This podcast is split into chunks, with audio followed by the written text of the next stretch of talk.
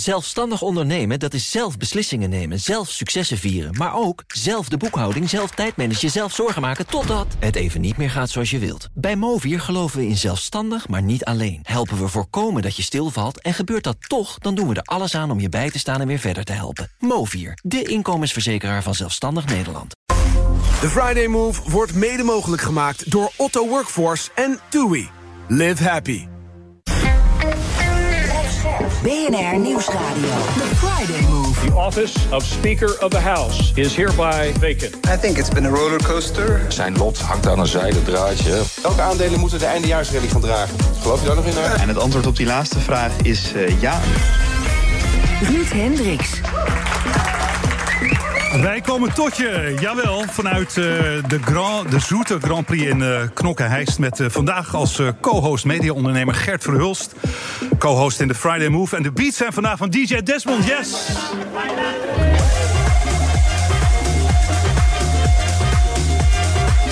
Wilfred Gené die moest uh, vanavond nog het een en ander doen in Hilversum. Dus die kon er vandaag hier in België niet bij zijn. Maar ontzettend leuk om uh, jullie welkom te mogen heten. Ten ja, eerste op de radio ja. bij BNR. En natuurlijk hier allemaal in Knokken. Hij is het ook. Ja, Ruud, ze hadden me gelokt met Wilfred Gené. En nu zit jij hier. maar ik ben heel erg Ik kan er niets aan doen. Ik kan nee. me nog even laten verbouwen. Nee, nee, nee, hoeft niet. Want ik ben het heel erg vereerd dat jij hier bent. Maar, Gert, leuk dat jij er bent. We kennen jou in Nederland als de man van natuurlijk Samson. Hè? Ja. De baas moet ik eigenlijk zeggen van Samson. Maar je bent ook ondernemer. Je hebt Studio 100 uh, opgebouwd. Uh, je bent bezig een hele grote musical in het midden van Nederland uh, op te gaan zetten. Klopt. 40, ja. 45.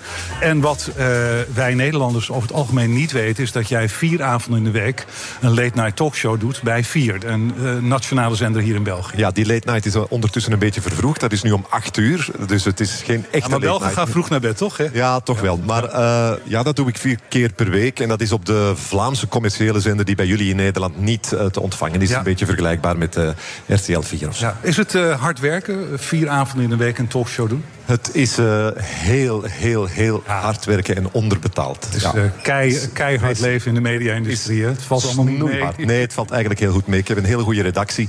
Maar het uur van, de, van het programma, het gaat live live... wat eigenlijk redelijk uitzonderlijk is in Vlaanderen. Dat is wel een heel intensief uur. En daarna ben je wel even Ja, is jouw programma te vergelijken met uh, de talkshows zoals wij die in Nederland kennen, op één en, en Umberto en dergelijke? Goh, in die zin dat wij uh, met een aantal mensen rond de tafel zitten en praten, is het hetzelfde. Maar het gaat er bij ons toch iets luchtiger aan toe. Ik vind dat ze bij jullie wel heel lang serieus kunnen lullen. Ja, ja, ja, ja toch wel. Echt dat ik soms denk, dan stap ik weg, dan stap ik na een uur weer terug. Zitten ze nog aan die tafel, denk ik, zitten ze er nu. Ja, dat is hier vandaag op de radio ook zo. Want wij lullen samen tot een uur of half zeven, Gert. Maar nou, dan ben ik wel uitgeluld. Kijk ik enorm naar uit. um, jouw vrouw rijdt mee met de rally waarvoor wij hier vandaag uh, in Knokkenhei zijn. Hè? De, de Zoete Grand Prix. Is dat, een, is, is, dat een zware rally? Is dat is met klassieke auto's? Hè? Ja, je hebt verschillende categorieën. Hè. Je hebt de ballade, dus uh, de, de wandeling zoals ze zeggen. Dat is uh, iets En dan heb je de ja, de echte rallyrijders. En die moeten dan bepaalde trajecten tegen een bepaalde tijd. Je mag ook niet te snel rijden, niet te traag rijden. Je hebt dan een aantal testen die je moet doen onderweg. Dus dat is vrij, uh, ja. ja. toch wel vrij uh, intensief en, en, ingewikkeld. Hoor. En heb je contact met haar gehouden vandaag? Uh, doet ze het goed? Het laatste nieuws dat ik gehad is dat ze een bijensteek op haar hoofd had gekregen. Ze voelde iets kribbelen. Ze heeft dan op haar hoofd geklopt. En toen had ze ja, een bij of een wesp onder haar. En dan had ze een, ja, een wespensteek of bijensteek op haar hoofd. Zat ze met ijs op haar hoofd. Dus het is... Ja, ik hoop dat ze hier nog aankomt. Nou, we hopen dat het, hopen dat het goed gaat komen. Ja. Gert, uh, wij kennen jou als mediaondernemer, maar jij zit als, als Vlaming toch ietsje verder van Nederland af. En uh, in Nederland denken wij allemaal dat jij de Vlaamse John de Mol bent. Is dat ook zo of is dat echt volstrekt? Uh, op, welk, op welk vlak? nou ja, als ondernemer, dat je grote dingen bouwt, dat je groot denkt, grote projecten doet. Dat doen we, maar Vlaanderen is natuurlijk maar een derde zo groot als Nederland. Dus het is sowieso allemaal iets op een, op een iets kleinere schaal dan wat John de Mol doet. Maar we mogen jou een grote vissen in een iets kleinere noemen. Mag ik het zo Je mag me noemen wat je wil, Ruud. Maakt mij niet uit. Ben jij zelf ook een autoliefhebber trouwens? Uh, ik, eerlijk gezegd, maar dat mag je geen niet te luid zeggen... ik heb niet zo heel veel met auto's. Nee, als hij maar lekker rijdt en als hij maar comfortabel is vooral. Ik heb drie keer meegedaan met zo'n rally... en ik denk dat ik drie keer uh, in pannen ben gevallen. Hmm. Dat zijn oude auto's. Hè. Die zijn niet meer gemaakt om nu nog echt heel hard en lang te rijden. Hoor. Er staan hier wel hele mooie Ja, auto's. nee, er staat een, een, een, eh, Citroën DS Cabrio. Die kost slechts 325.000 euro. Dat is een prikje. Ja, ja. Ja, dat- ja dat maar dan denk je, oh, oh, dat is veel geld. Maar dan kom je volgend jaar terug en dan kost die 450.000 Ja. euro.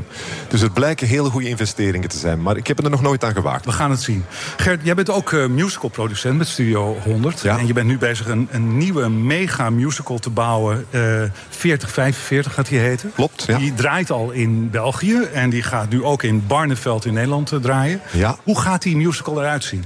Eh, ja, die gaat er net zo uitzien als in Vlaanderen. Er zijn al toch wel wat Nederlanders komen kijken in, in Vlaanderen. Eh, het is een heel groot spektakel. Eh, het is een heel mooi verhaal, dat bovenal. Want veel mensen hebben zoiets van... ja, maar ja, over de Tweede Wereldoorlog... moet je daar niet een serenere voorstelling van maken. En hoeft al dat spektakel, want we laten treinen door de zaal rijden... vliegtuigen vliegen over. Dat zijn wij in Nederland toch een beetje gewend van Soldaat van Oranje. Waar Ja, schepen aanspoelen. En... Dus wij hebben echt gekozen voor spektakel. Het zijn acht bewegende tribunes. Die rijden rond in een heel grote zaal. Acht grote videowalls die het decor vormen. Ik zeg het, een grote trein die voorbij rijdt. eh, vliegtuigen die overvliegen, ontploffingen. eh, alles erop en eraan. Maar er zijn ook heel intieme eh, scènes. Want het is uiteindelijk een heel gevoelig verhaal dat we brengen. We brengen het verhaal van twee broers die opgroeien in Rotterdam. tijdens de Tweede Wereldoorlog. De ene broer kiest voor het verzet. En de andere broer kiest voor de vijand. En ze komen lijnrecht tegenover elkaar. Ja, en dat verhaal is naar Nederland aangepast. Dus die broers die komen nu uit Rotterdam. Ja, die woonden oorspronkelijk in Antwerpen, maar die wonen nu in Rotterdam. Dat wilde Ja. ik zeggen. Jij woont trouwens ook in Antwerpen, begrijp ik. Klopt, ja. Ehm, Zo'n zo'n enorme musical naar Nederland eh, halen. Hoe lang moet die musical lopen om geld op te gaan leveren? Ja, die moet. Kijk, het voordeel is dat, het, eh, dat de musical al bestaat. Dus eh, de kostuums, de decors, de, de- heel, heel veel dingen worden Muziek. gewoon, eh, de muziek, het schrijven is allemaal al gebeurd. Dus heel veel dingen kunnen we herbruiken van in Vlaanderen. Wat de break-even natuurlijk aanzienlijk naar omlaag haalt. Maar we moeten toch een 200.000 eh, bezoekers halen, minimum. Om, om toch een beetje uit de kosten te zijn. En, en eh, je gaat echt geld verdienen na die 200.000 bezoekers. Hè? Daarna is het... eh, is het- Ja, maar om echt rijk te worden moet je geen musicals gaan produceren. Nou, ik denk dat eh, er mensen zijn die bijvoorbeeld Soldaat van Oranje hebben, daarin hebben geïnvesteerd. Dat die er anders Ja, maar dat zijn natuurlijk de uitzonderingen. Die heeft nu ondertussen tien jaar gelopen. Ja, dan zijn, Alex Mulder heeft dat goed gedaan. ja, dan is alles wel afgeschreven, denk ik. dat. Ja. Over musicals gesproken. hè. Als je kijkt naar de musicals die ik ken... die in Nederland populair zijn, ook in het buitenland. Les Miserables, eh, Miss Saigon, eh, Anne Frank. Het zijn heel vaak allemaal onderwerpen uit de geschiedenis. Waarom zijn er zo weinig eigentijdse musicals? ja, dat is een goede vraag. Eh, wij hebben er net een gedaan in Vlaanderen. Vergeet Barbara heette dat. Dat was met het repertoire van eh, Wiltura. Die in, Vla- in Nederland iets minder bekend is... maar wat bij ons de absolute nummer één Vlaamse zanger is aller tijden. En die voorstelling heeft het ongelooflijk goed gedaan. Maar ja, die speelde ook in de jaren zeventig. Dus dat was ook geen verhaal van nu. Ja, ik weet het niet. Ik weet het niet. Zijn het ook oudere mensen die naar musicals toe gaan? Of eh, trek je ook wel jonge mensen Nee, met die trekken, verhalen? wij trekken heel veel jonge mensen. En vooral door de manier waarop het verhaal brengen. Met die, eh, die technieken die toch wel eh, heel modern zijn. En die tribunes die bewegen. Dat zorgt ervoor dat je toch een publiek naar de, naar de musical kijkt. Dat allemaal niet gaat kijken. En dat musical als iets oud en saai en stoffig bekijkt. Hè. En eigenlijk is het zo. Theater is eigenlijk relatief weinig geëvolueerd de afgelopen 100 jaar. Hè. Als je nu gaat kijken naar Les Miserables. Dat is dezelfde Miserabele van 25 jaar Hè. Dus jij brengt een stuk innovatie naar Barneveld Ja, ik denk dat dat nodig is. Als je, als je nu een film van 20 jaar geleden bekijkt, ja, die is vaak ook niet meer om aan te zien. En die gaan ze ook niet meer in de zalen projecteren nu. En met theater gebeurt dat nog altijd wel. Dus dat En waarom in Barneveld? Barneveld is het centrum van de Food Valley in Nederland. Maar het is niet echt het centrum van, laten we zeggen, de entertainmentwereld. Nee, maar het is wel makkelijk bereikbaar. Alle, er lopen toch een aantal grote snelwegen naartoe. Er is ruimte. Er, eh, het, het, is, het, eh, het is ook een, een gemeente die ons eh, heel veel heeft geholpen. We bouwen daar ook een speciale zaal die je niet in een stad zou kunnen bouwen, omdat die heel groot is en heel hoog moet zijn. En er mogen geen palen in staan en allemaal eh, specifieke toestanden. Dus eh, we zijn heel blij met Barneveld. En er wordt nog druk gebouwd, hè? Eh, ja, gelukkig, want dat was natuurlijk... wij hebben het aangekondigd op een moment dat er nog niks was gebouwd. Dus dan, ja, dan word je toch een klein beetje ongerust. Wanneer gaat die open? Wanneer moet die gaan draaien? Moet gaan draaien in half september volgend jaar. Dus- Dat wordt spannend. Dankjewel Ja. Gert. We gaan verder met The Friday Move.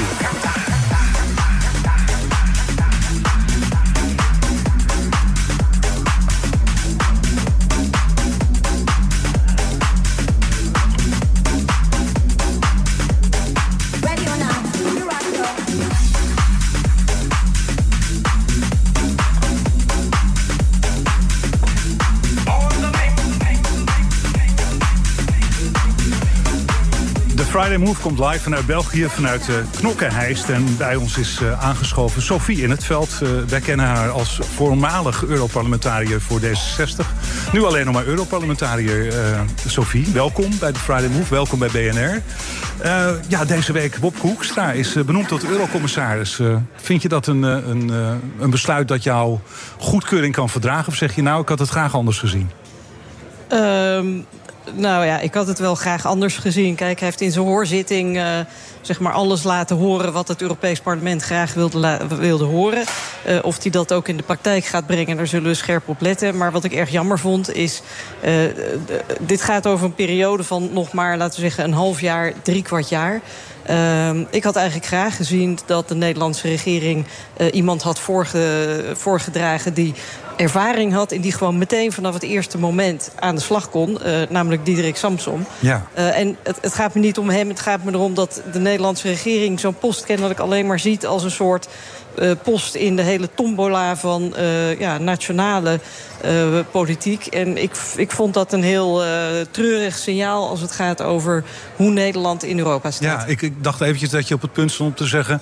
als een post in het kader van de nationale baantjes die verdeeld moeten worden. Nou ja, bijna wel ja. En ik denk dat Europa veel te belangrijk is om op die manier behandeld te worden. En het gaat er niet om, meneer Hoekstra gaat zich ongetwijfeld inzetten. Daar gaat het helemaal niet om. maar het signaal wat is gegeven vanuit Nederland... Uh, en ook het feit dat kennelijk premier Rutte dat gewoon in zijn eentje heeft beslist of zo, dat, dat geeft wel aan hoe het kabinet, het Nederlandse kabinet, in Europa staat. En ik vind dat geen positief signaal. Vind je dat slecht voor de geloofwaardigheid van de politiek in, in Nederland? Uh, nou ja, goed, dat is aan de mensen zelf om te bepalen wat ze hiervan vinden. Maar, ja, maar je geeft in ieder geval. Nou, ik vind het, ik vind het een, een slecht signaal uh, over Europa. We zitten uh, in een fase, we hebben oorlog, klimaatrampen, inflatie. He, allerlei hele, hele grote uitdagingen, migratie.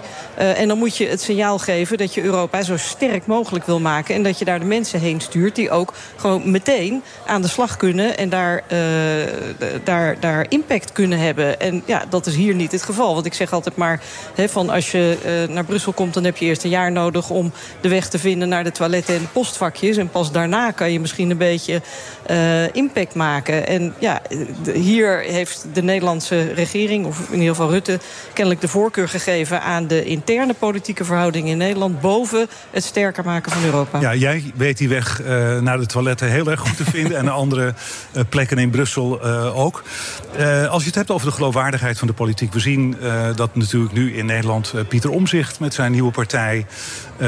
grote furoren gaat maken, dat allerlei politici daarnaar overstappen. En jijzelf besloot onlangs zomaar om D66 vaarwel te zeggen... en lid te worden van Volt. Nou, uh, nee, het woord zomaar is hier echt uh, zeer misplaatst. Ik nou, laten we zeggen in de ogen van de buitenwereld. Ik ben, ik ben uh, ja, maar dat, is, dat klopt niet. Ik ben 30 jaar lid geweest van D66.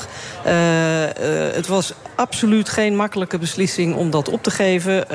en dat blijft ook gewoon wel een soort open wond. Je geeft dat niet zomaar op. Hè. Het is ja. een club waar je, je vrienden zitten, waar je zoveel mee samen hebt gedaan. Toch waren er zwaarwegende redenen om daaruit te stappen. en vervolgens heb ik gekeken van welke, welke partij past er goed bij mij. Uh, en dat is, dat is Volt, zeer pro-Europees, uh, veranderingsgezind, uh, groen, progressief, liberaal. en dat past goed bij mij. Het is een hele nieuwe, nieuwe club.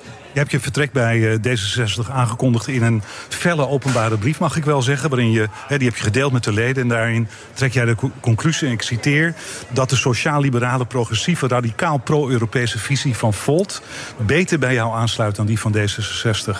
Uh, hoe, hoe ben je bij Volt ontvangen? Kwam je in een warm bad terecht? Of werd daar gekeken met enig wantrouwen naar jou... als, als iemand die zoveel jaren het standpunt van D66 heeft vertegenwoordigd? Uh, nee hoor, nee. Dat, ik ben zeer warm uh, ontvangen. En Volt is, het, het aardige aan Volt is dat ze niet alleen maar inderdaad progressief, sociaal-liberaal, groen, radicaal pro-Europees zijn. Maar dat ze ook pan-Europees zijn. Volt bestaat in 30 Europese landen. Dus ook in alle Europese EU-lidstaten. dus je hebt meteen ook een heleboel nieuwe vrienden in, in andere landen. En ik ben daar buitengewoon warm onthaald. Ja. Gert, voel jij je uh, Europeaan of voel je je uh, Vlaming? Voel je je Belg? Wat voel je? Ik voel me alles. Ik ben uh, Europeaan, ik ben Belg en ik ben Vlaming. Mm -hmm. In die volgorde, ja. Volg je de, de politiek nauwlettend of niet? Uh, door het feit dat ik uh, toch aan mijn tafel in de talkshow heel vaak politiekers aan tafel krijg en het vaak over ja, de hete politieke hangijzers gaat, ben ik wel verplicht om het af en toe te volgen. En leeft de Europese politiek in België meer omdat jullie nou eenmaal Brussel hebben nee, met de zetel van het Europees nee, Parlement? Nee, onder is voor heel veel mensen de ver van hun bedshow. Ja? Toch, ja. ja, ja, ja Vind je dat jammer of vind je dat uh, logisch gegeven de zaken die zich daar afspelen? Ik vind het logisch. Ik denk dat je van de mensen niet kunt verwachten dat ze van alles wat er beslist moet worden weten op welk niveau dat dat beslist wordt. Mensen hebben vaak geen idee wat er in Europa beslist wordt of wat er op nationaal niveau beslist wordt, op federaal niveau bij ons. Dat is allemaal bij ons nog meer uh, verschillende niveaus dan bij jullie. Dus voor mensen is het heel ingewikkeld en ze weten gewoon niet meer wat waar beslist wordt eigenlijk. Ja. Dus ook niet wie er verantwoordelijk voor is. Ja, en dat is natuurlijk niet gezond. Hè. Nee, nee dat, dat ben ik helemaal met u eens. Want feitelijk is in een democratie moeten mensen nou juist wel weten waar ze invloed kunnen uitoefenen, wie ze ter verantwoording kunnen roepen uh, voor besluiten. Uh, en de manier waarop eigenlijk uh, de Europese burgers. In het ongewisse worden gelaten. Want ze worden door hun eigen regering ook totaal niet voorgelicht over hoe het werkt. Want dat komt die regeringen namelijk ook wel best uit.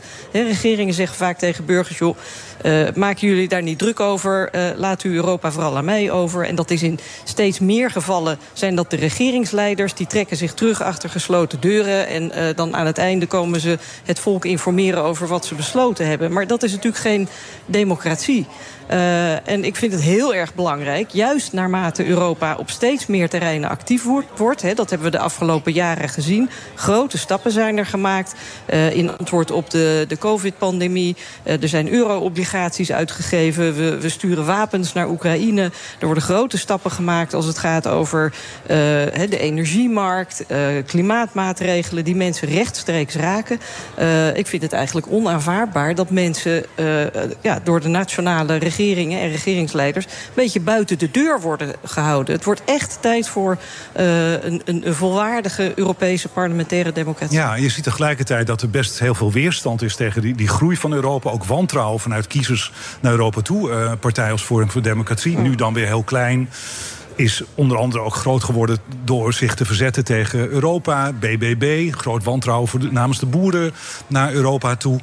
Uh, je zou zeggen dat, dat misschien het Europees Parlement uh, ook wat meer marketing en PR op de juiste wijze had Nou, moeten geloof- bedrijven, ik, of niet? Ik geloof niet dat, eh, dat democratie gestoeld kan zijn op marketing en PR. Eh, maar ik denk wel, hè, want u zegt BBB heeft wantrouwen. Nou, ja, dat, dat gaat natuurlijk gewoon over dat er geraakt wordt aan gevestigde belangen. En dat bepaalde eh, eh, groeperingen daarbinnen geen zin hebben in verandering. Dat is iets anders dan wantrouwen. Maar eh, het is wel zo dat inderdaad ook.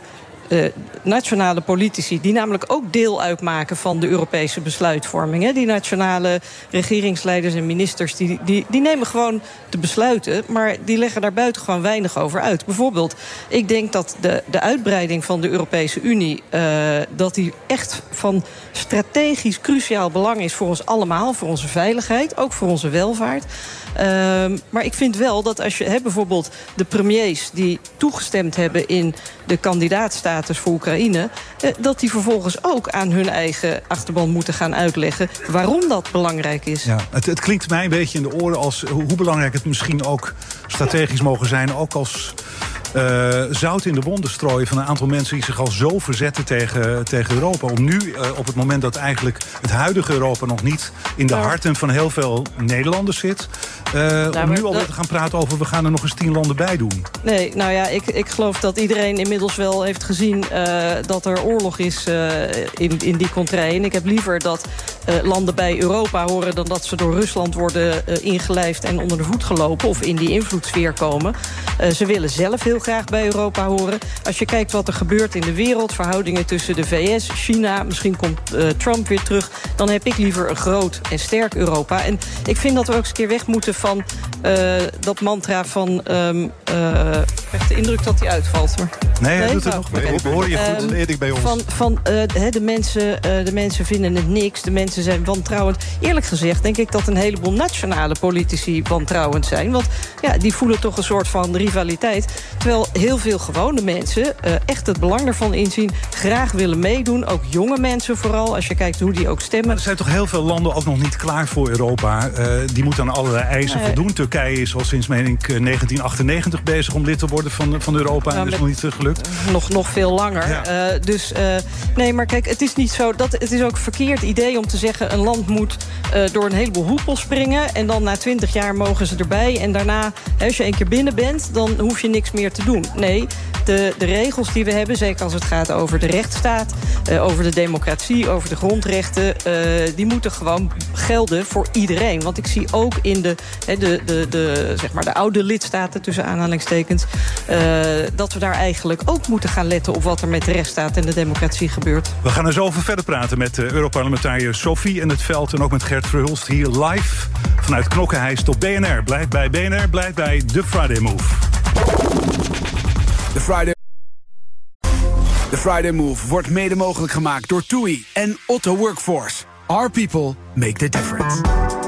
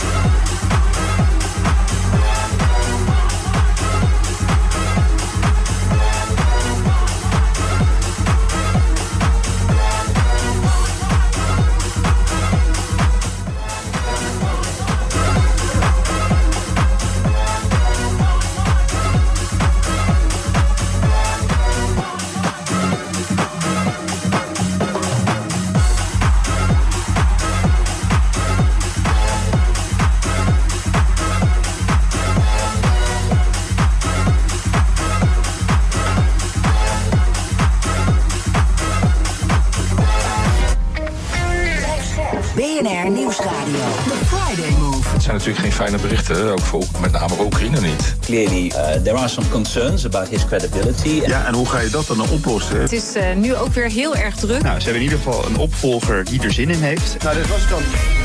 Ruud Hendricks. In deze tijd van kunstmatige intelligentie, internet en mobiele telefoons... blijkt de stroom in Knokkenhuis nog altijd uit te kunnen vallen. Ja. Het werd eventjes heel erg donker in, uh, in Knokkenhuis. Meestal hoeft maar maar u bent terug bij te gebeuren. de hoor. Friday Move op uh, BNR. Je hoort de stem al van uh, Gert Verhulst, mijn Ja. co-host vandaag. En we gaan verder praten met Europarlementariër Sophie in het Veld. En de beats komen vandaag van uh, onze eigen huis-DJ Desmond. Als altijd bij, uh, bij BNR in de Friday Move. Sophie, uh, ja, we waren er even een paar minuten uit. Het was ineens heel erg donker hier. Allerlei technische collega's die uh, heel erg druk waren en ons terug hebben gebracht. Waarvoor uh, dank. Sophie, voordat we naar het nieuws en de commercials gingen... hadden we het al eventjes over de uitbreiding van de EU. Daar gaan we zo direct verder over praten. Maar eerst eventjes, jij als langzittende Europarlementariër van Nederland in Brussel... waar ben je het meeste trots op? Want je, je tijd zit er bijna op, hè? in ieder geval van deze periode. Goh, ja, dat vind ik altijd zo'n moeilijke vraag. Want als je in het parlement zit, dan, uh, dan werk je altijd samen met anderen. Je doet nooit ja, iets alleen. Er moet toch iets zijn waarvan je nou, zegt, kijk, dit, een, dit een, heb ik echt gedaan. Een, een van de dingen is uh, dat de, ik denk de manier waarop ik invulling geef aan dat parlementarierschap, namelijk altijd scherp de Europese Commissie en, en ook de Europese Raad ter verantwoording roepen. Omdat dat in mijn opvatting heel erg ontbreekt. Het thema van macht tegen macht, uh, wat ook uh, in, in, in Nederland speelt... Is denk ik in Europa heel belangrijk en steeds belangrijker. naarmate er meer macht gaat naar Europa... moet er ook meer tegenmacht komen. Ja. En ik, ik zie dat dat... Uh, ja, te weinig is. En ik heb in mijn jaren heel erg geprobeerd om voortdurend die controle op de macht, die tegenmacht, om daar uh, ja, vorm aan te geven. Ja, maar heb je, heb je geen specifiek punt waarvan je zegt van kijk, dat, heb ik, dat initiatief heb ik genomen en dat heb ik toch maar mooi bereikt in Europa? Nou ja, er, er is één, één zeg maar, van hè, mijn, mijn, uh, mijn kindje. Uh, en dat is uh, het, het inmiddels jaarlijkse rapport over de situatie van de rechtsstaat in de lidstaten. En dat wordt steeds meer ja, echt een soort referentiepunt. Elk jaar een soort APK is het van de, de lidstaten. Van hoe staat het ervoor met de democratische rechtsstaat. Um, en dat heb ik echt wel op de agenda ja. gezet. Ja, maar snap je nu als mensen dit horen dat ze denken: waar gaat dit eigenlijk mm. over?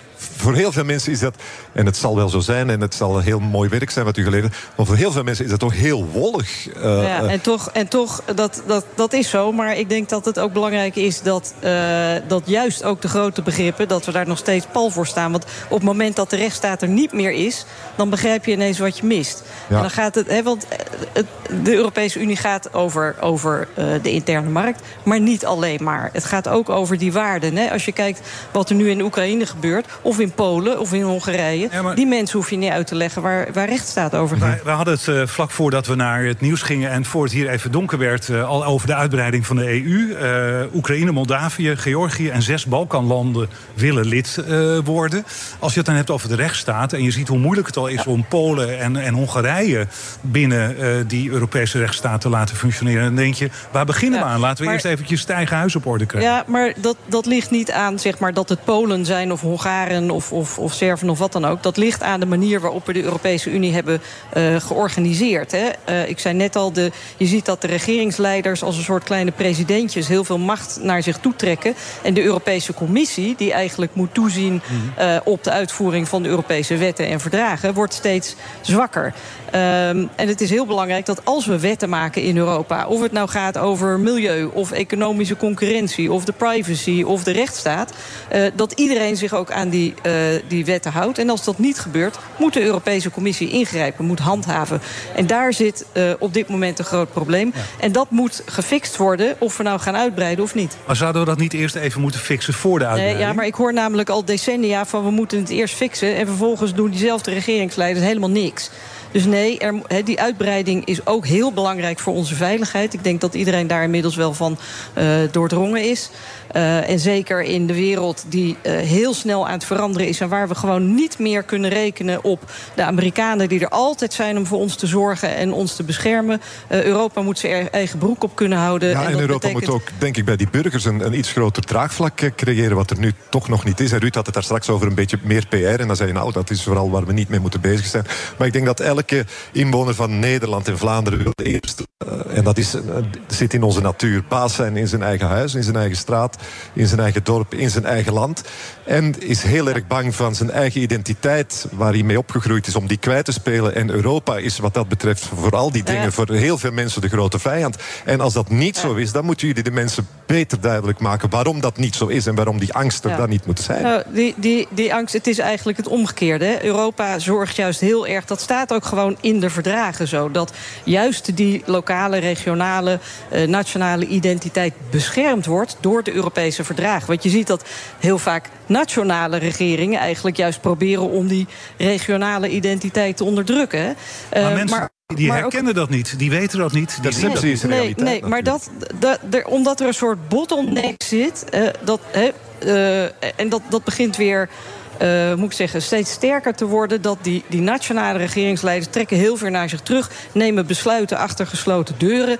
Uh, we hebben in de loop van de jaren hebben we uh, bereikt dat er meer transparantie, meer democratie kwam. Maar in de laatste paar jaren, door de crisis, pandemie, oorlog, inflatie enzovoort, zie je dat, dat regeringen en regeringsleiders macht naar zich toe trekken. Parlementen, ook nationaal en hier ook gewestelijk, een beetje buitenspel komen staan. In Nederland hebben we ook gezien dat mensen zeiden van ja, wat is dat? Er worden hier allerlei maatregelen, covid-maatregelen genomen, zonder dat daar eigenlijk een goede wettelijke basis voor is of democratische controle. Nou, dat zien we in Europa ook gebeuren. en, en dat is iets waar we, waar we heel hard aan moeten werken, om dat democratische Europa. En ik ben het niet helemaal met u eens als u zegt van ja, de burgers, het kan ze niks schelen, dat ze weten er niks van. Als ik kijk hoe mensen de straat op gaan, juist als het gaat over he, voor of tegen covid-maatregelen, de klimaatmarsen. Uh, uh, als je ziet hoe mensen zich solidair hebben betoond met mensen in Oekraïne. Mensen zijn er wel degelijk mee bezig. Ehm, en ik vind dat vanuit, vanuit de politiek ook, ook vaak een beetje cynisch wordt gedaan. Van, nou ja, het kan de mensen allemaal niks Sophie, Ik heb toch het gevoel dat er meer tegen het Europese parlement de straat wordt gegaan dan voor het Europese parlement. Maar nou, dat is, daar kunnen dat... we nog heel lang over discussiëren. Ik wil het eventjes hebben over jouw eigen toekomst. want je hebt afscheid genomen van D66. Je bent lid van Volt, maar je was net te laat lid geworden om ook als kandidaat voor de volgende uh, zitting van het Europees Parlement uh, daarin mee te doen aan de verkiezingen. Hoe ziet jouw eigen toekomst eruit? Wat, wat ga je doen? Uh, hoe mijn eigen toekomst eruit ziet, uh, ik heb geen idee. En een, uh, een, een, week in de politiek is een lange tijd, zoals we weten. maar ik heb mij aangemeld als kandidaat om lijsttrekker te worden van Volt België. Voor de, de Nederlandstalige lijst, moet ik dan zeggen. wat ik heel graag wil, is Volt als pan-Europese beweging. beweging, jonge beweging.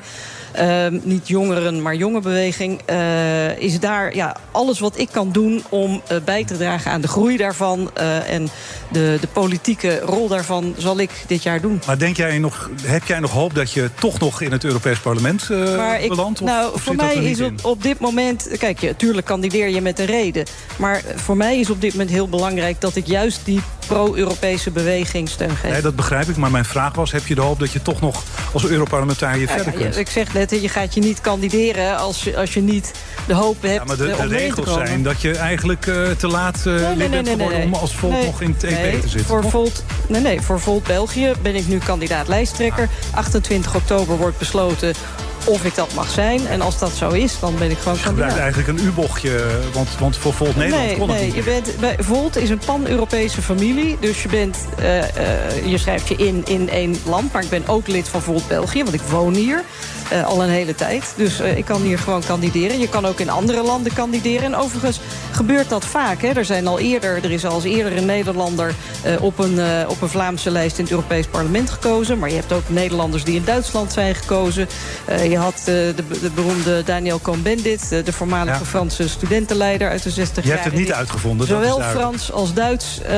maar de Hollanders zitten overal, dat is duidelijk. Dat is, dat is toch de conclusie die we... knokken in elk geval wel, ja. Zeker in knokken. Hij is vandaag waar BNR en de Friday Move vandaag live vandaan komen. Sofie in het veld, uh, Europarlementariër. Nu nog in ieder geval heel erg Nederlandse Europarlementariër. Dank je, dank je wel.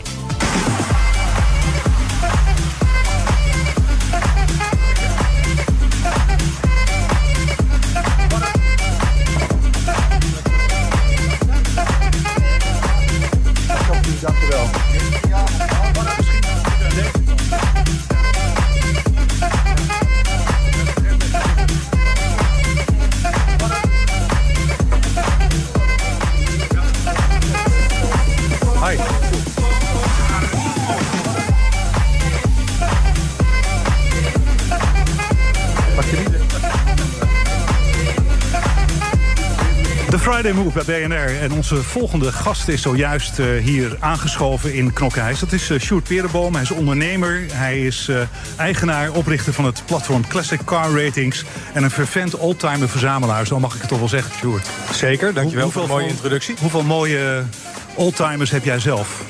Nou, ik heb één oldtimer waar ik heel graag bij de straat op ga, ook in de stad. Het is een Jaguar Mark II uit 1963. en daarnaast heb ik nog twee auto's waar ik mee het circuit op ga, dat zijn twee MGB'tjes. Ja. En wat doet een Jaguar Mark II uit 1963 op jouw platform? Wat kost die auto? Ehm, die auto varieert van in concours of slechte staat. Maar als die in concours is, dus de beste staat die je kan vinden... dan kun je ervan uitgaan dat hij tussen de 65 en de 75.000 euro opbrengt. Mm En jij, jij, jij hebt besloten van je hobby ooit je beroep te maken... door dit platform op te gaan zetten.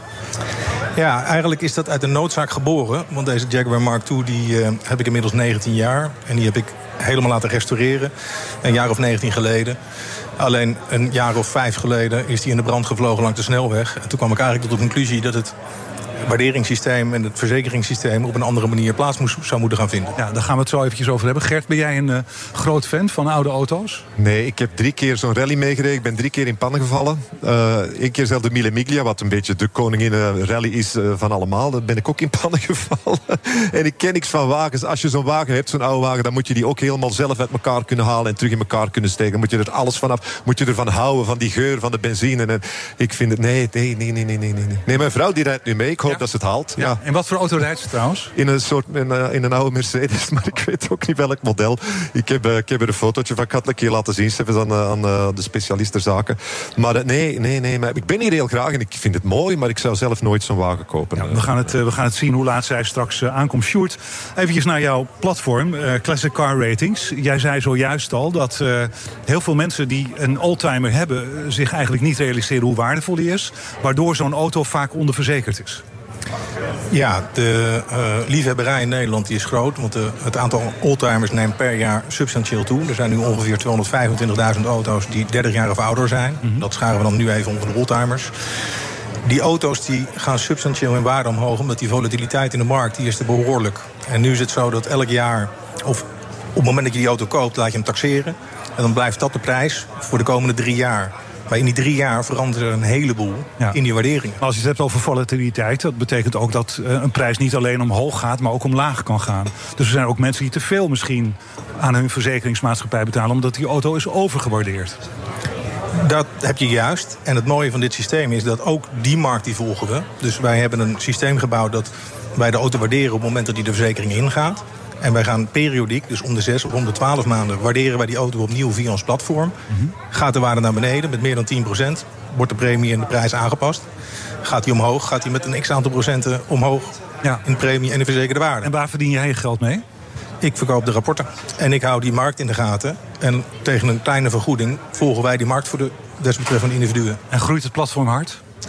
Ja, wij moeten flink de mouwen opstropen. Maar we hebben toch tijd gevonden om bij jullie uh, aan te nou, schuiven. Dat waarderen wij zeer. Want ben jij zelf ook een, een rallyrijder? Heb jij de zoete uh, Grand Prix ook al eens gereden?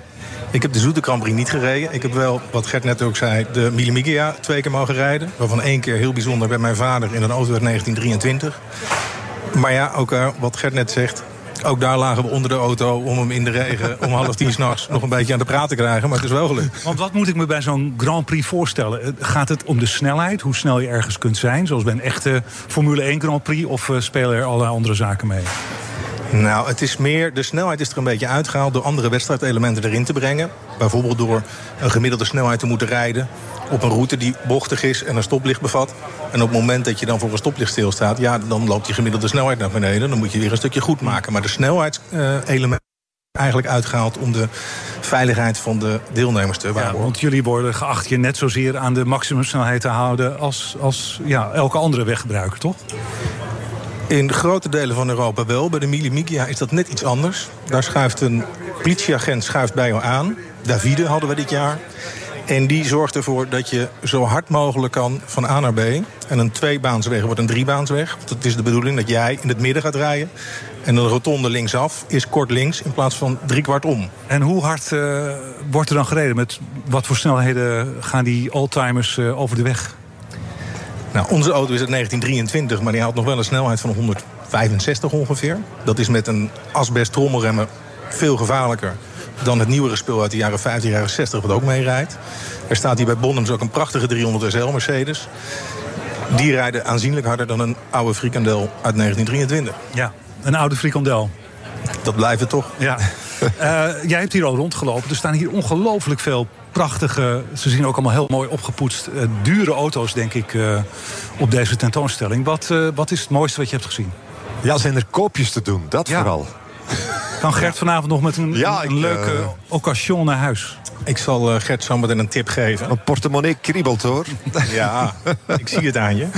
Maar ik zal wat nieuws uitzoeken, zodat je niet hoeft te sleutelen. Ja, nee, die Eh, oude Rolls vind ik prachtig. Die, eh die eh, decapotabel, die, eh, die, die, die groene. Nou, laten we dan samen daar eens even induiken hoe, eh, hoe we dat moeten aanvliegen, Gert. Ja, nee, oké. maar dan, eh, ik, ik hoop op een goede raad. Ja, ik bedoel, hij is een specialist. Nee, maar wat is het mooiste wat je hebt gezien, uh, Short?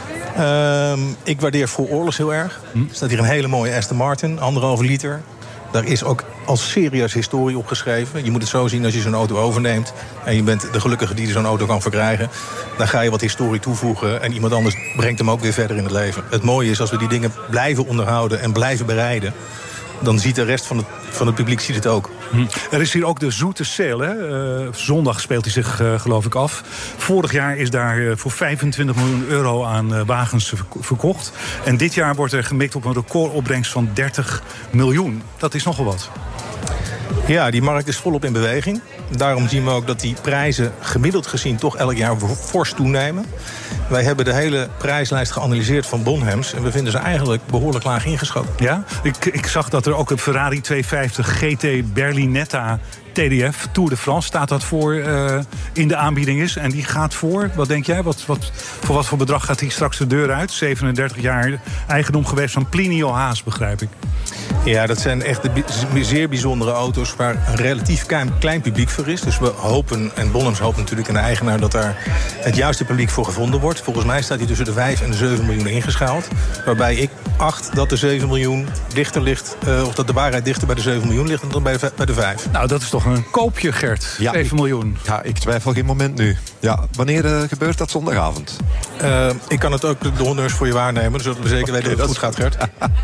En, en de mensen die, die zo'n auto kopen, zijn dat eh, mensen die hem vervolgens ergens eh, in een museum zetten of in een privémuseum? Of wordt daar dan nog daadwerkelijk mee gereden ook?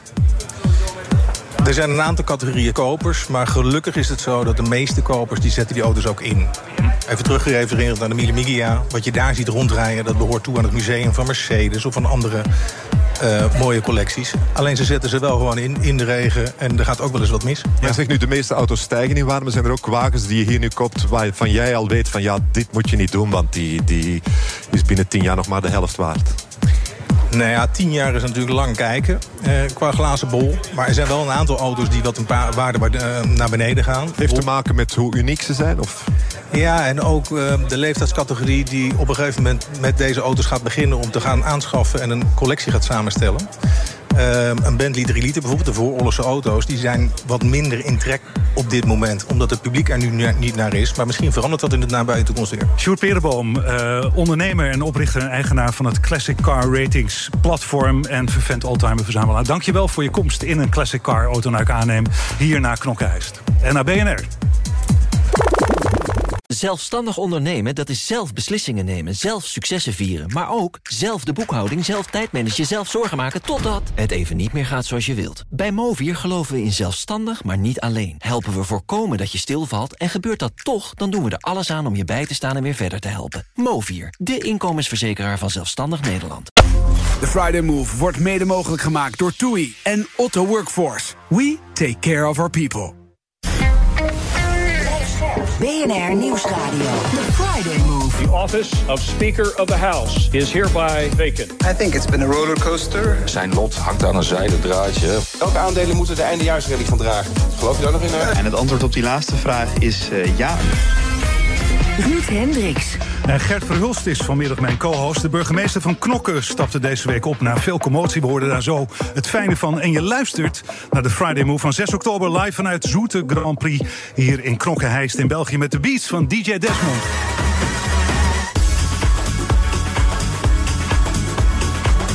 Je hoorde zojuist dat eh, de Nederlandse snelwegen vol met files staan. Hier in Oh. Knokkenheist staan de auto's ook stil, maar in een heel ander kader. Want eh, Ja. er is een grote autotentoonstelling. Gert, jij bent nog steeds uh, bij mij, aan mijn zijde. Zeker en vast. een beetje vertrouwd te voelen, zo ja. na een uurtje. Ik ga nooit meer weg. Nee, we, blijven gewoon, we gaan gewoon lekker door, ook na, na half zeven. Zeker en vast, kunnen. zeker en vast. Gert, um, jij uh, bent inmiddels 55. Ziet er natuurlijk uit als een jonge god van 35. Dat, maar jouw kinderen, uh, die zijn inmiddels ook wel bezig, Victor en Marie... om een deel van jouw business ja, over te nemen. In ieder geval de creatieve sfeer. Ja, Marie is het nieuwe baasje van Samsung geworden. een jaar of drie, vier geleden. Uh, en Victor, ja, wat doet die eigenlijk? Uh, die presenteert op tv, Love Island bijvoorbeeld, uh, wat ook in Nederland te zien is. Die, die is DJ, die doet mee in de verhulsjes en ja, die is heel actief ja, ook eigenlijk wel in de showbusiness. Heb je dat uh, gestimuleerd? Of nee, vind je dat eigenlijk niet. heel vervelend dat zij de voetsporen van hun vader treden? Ook niet heel vervelend. Ik uh, ja, wil er altijd graag dat mijn kinderen iets zou doen waar ze ambitie in hadden. En heel lang hadden ze geen enkel idee wat ze wilden doen. En dat was een beetje vervelend, vond ik niet zo leuk. En toen plots op een of andere manier heeft die, die micro, microben van de showbiz toch te pakken gekregen. En ja, was eigenlijk heel onverwacht. Bij Marie niet zo, want die speelde vroeger al van die toneeltjes en zo uh, op feestjes. Maar Victor was totaal niet uh, sociaal, was totaal niet iemand die in het openbaar wou spreken of dingen wou doen. Als hij op, op restaurant bestelde, dan deed hij dat met zijn hand voor zijn mond en durfde hij de ober zelf niet aan kijken.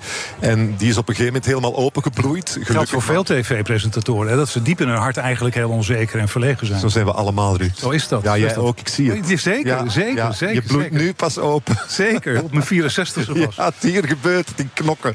Jij bent uh, creatief, hè? Je hebt al allerlei uh, karakters uh, ontwikkeld. Hè? Uh, onder andere Gert en Samson, waarvan we je allemaal kennen. Maar ook Kabouterplop en K3 en noem ze allemaal maar op. en daarnaast ben je ook heel erg zakelijk. Je bent een echte ondernemer. Hebben jouw kinderen ook die beide capaciteiten van je geërfd? Marie totaal niet. Die, die heeft totaal geen besef van geld. Die weet zelf niet hoeveel geld ze op haar rekening heeft staan. Victor is veel zakelijker en is daar wel meer mee bezig. En ook meer in geïnteresseerd. Dus ze hebben allebei dezelfde opvoeding gehad. Maar toch ja, zijn ze daarin totaal verschillend. Ja, want dat is een vrij unieke combinatie. Dat mensen zowel zakelijk kunnen denken als heel, heel creatief kunnen zijn. Ja, maar voor mij heeft dat altijd heel erg samengehangen. Een goed creatief idee ja, is een idee voor mij althans, dat ook aanslaat en dat dan ook geld opbrengt. Dus eigenlijk hangt dat heel erg samen voor mij. Ja. Jij bent 55. Uh, heb je nog dromen, heb je nog doelen waarvan je zegt... ja, die wil ik absoluut nog bereiken? Ah, nee, ik heb heel saaie doelen. Hè. Uh, ik, ik, heb zoveel mogen doen in mijn leven. Op tv heb ik eigenlijk alles mogen doen wat je maar kunt bedenken. Ik heb shows gepresenteerd, talkshows, kinderprogramma's... quizzen, uh, celebrity games, alles, alles, alles. Dus ik heb daar eigenlijk nog weinig... Maar, maar wat zijn de saaie doelen die je nog voor ogen hebt? Gelukkig zijn, Ruud. Ja. ja. Nee, ja, echt ik, waar, gelukkig zijn. Ik heb als doel elke dag iemand te ontmoeten die me inspireert. Oh ja, dat, dat, en dat lukt vrij goed. Ja, je, ik kan me niet inbeelden dat je elk jaar 365 mensen tegenkomt die jou inspireren. Nou, uh, ik, heb, ik heb het grote voorrecht, net als jij, dat ik in een industrie zit met heel veel inspirerende mensen. Ja. En, dat nee, gaat, ja, en kijk, je moet er ook open voor staan natuurlijk. Nee, als je goed kijkt, dan zie je heel veel inspiratie bij mensen. Het is absoluut waar. We hebben het voorrecht om met heel veel mensen in contact te komen... waar je anders nooit mee in contact zou kunnen komen. Aan mijn tafel van de talkshow, elke dag zitten daar zes uh, ja. interessante mensen. Anders zouden ze daar niet zitten. En dat is inderdaad een voorrecht. Hè. Ja. Als je gewoon op een kantoor werkt, zie je elke dag dezelfde mensen. En vaak zitten daar ook mensen bij die niet zo interessant zijn. Jouw talkshow die van maandag tot en met donderdag in België wordt uitgezonden... kunnen wij in Nederland uh, niet zien. Maar we dat kunnen... is zo jammer. Jullie missen echt... Ja, we missen van alles. Maar we, gelukkig hebben we wel jouw real lives op, de verhulsjes. Die kunnen we wel zien. Ja. Hoe is dat om uh, hele lange periodes continu door camera's bekeken te worden? Ja, hoe, lang, hoe lang volgt die cameraman uh, jullie? Ja, je moet rekenen voor één aflevering is dat een dag of drie. Dus eigenlijk valt dat heel goed mee. En ja, ik moet eerlijk zeggen, als je zo lang gevolgd wordt door die camera's op den duur, ben je daar ook totaal niet meer mee bezig. En ja, bon, heb je helemaal niet het gevoel dat je aan het werken bent of zo. Ja.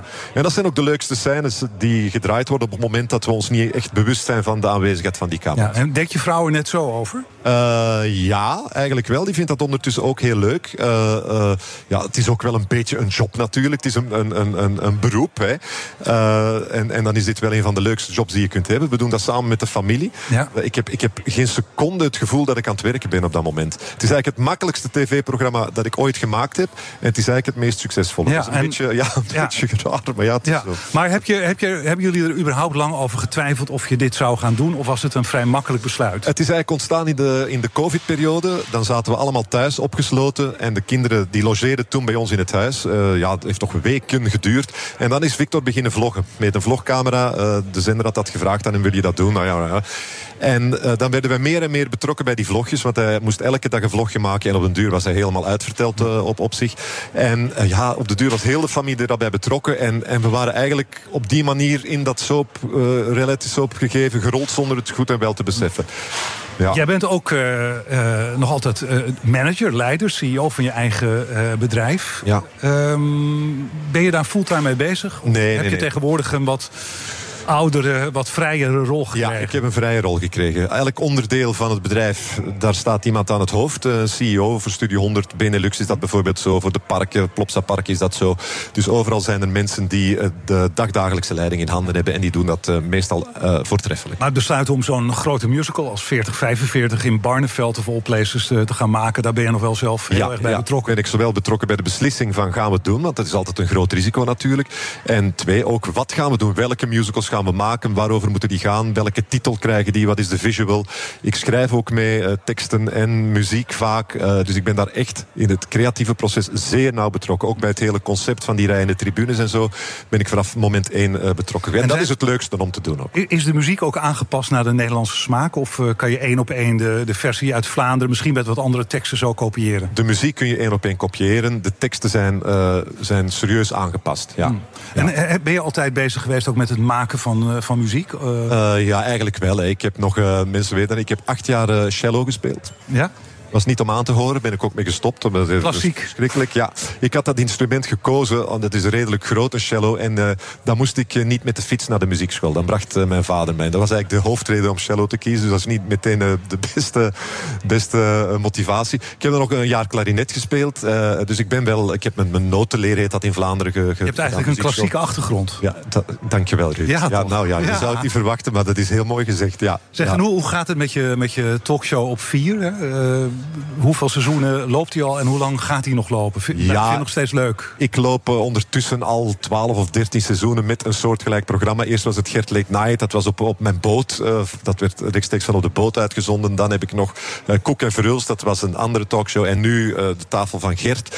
Dus we zijn nog ondertussen al vijf, zes jaar bezig, dagelijks. Um, en het blijft leuk, omdat ik het leuk vind om inspirerende mensen te ontmoeten. Ruud, kijk eens aan, ja. kijk eens aan. Ja. Ben je optimistisch, Gert, over de toekomst van de televisie? Niet alleen in Vlaanderen, maar eigenlijk wereldwijd. Ja, de wat Netflixen van deze maar wat noem je televisie, uh, Ruud? Dat is de vraag. Hè. Wat is televisie? Is dat mensen die naar een bakje thuis kijken? Ja, dan is het heel breed. Ja. Er is nog nooit zoveel gekeken als nu.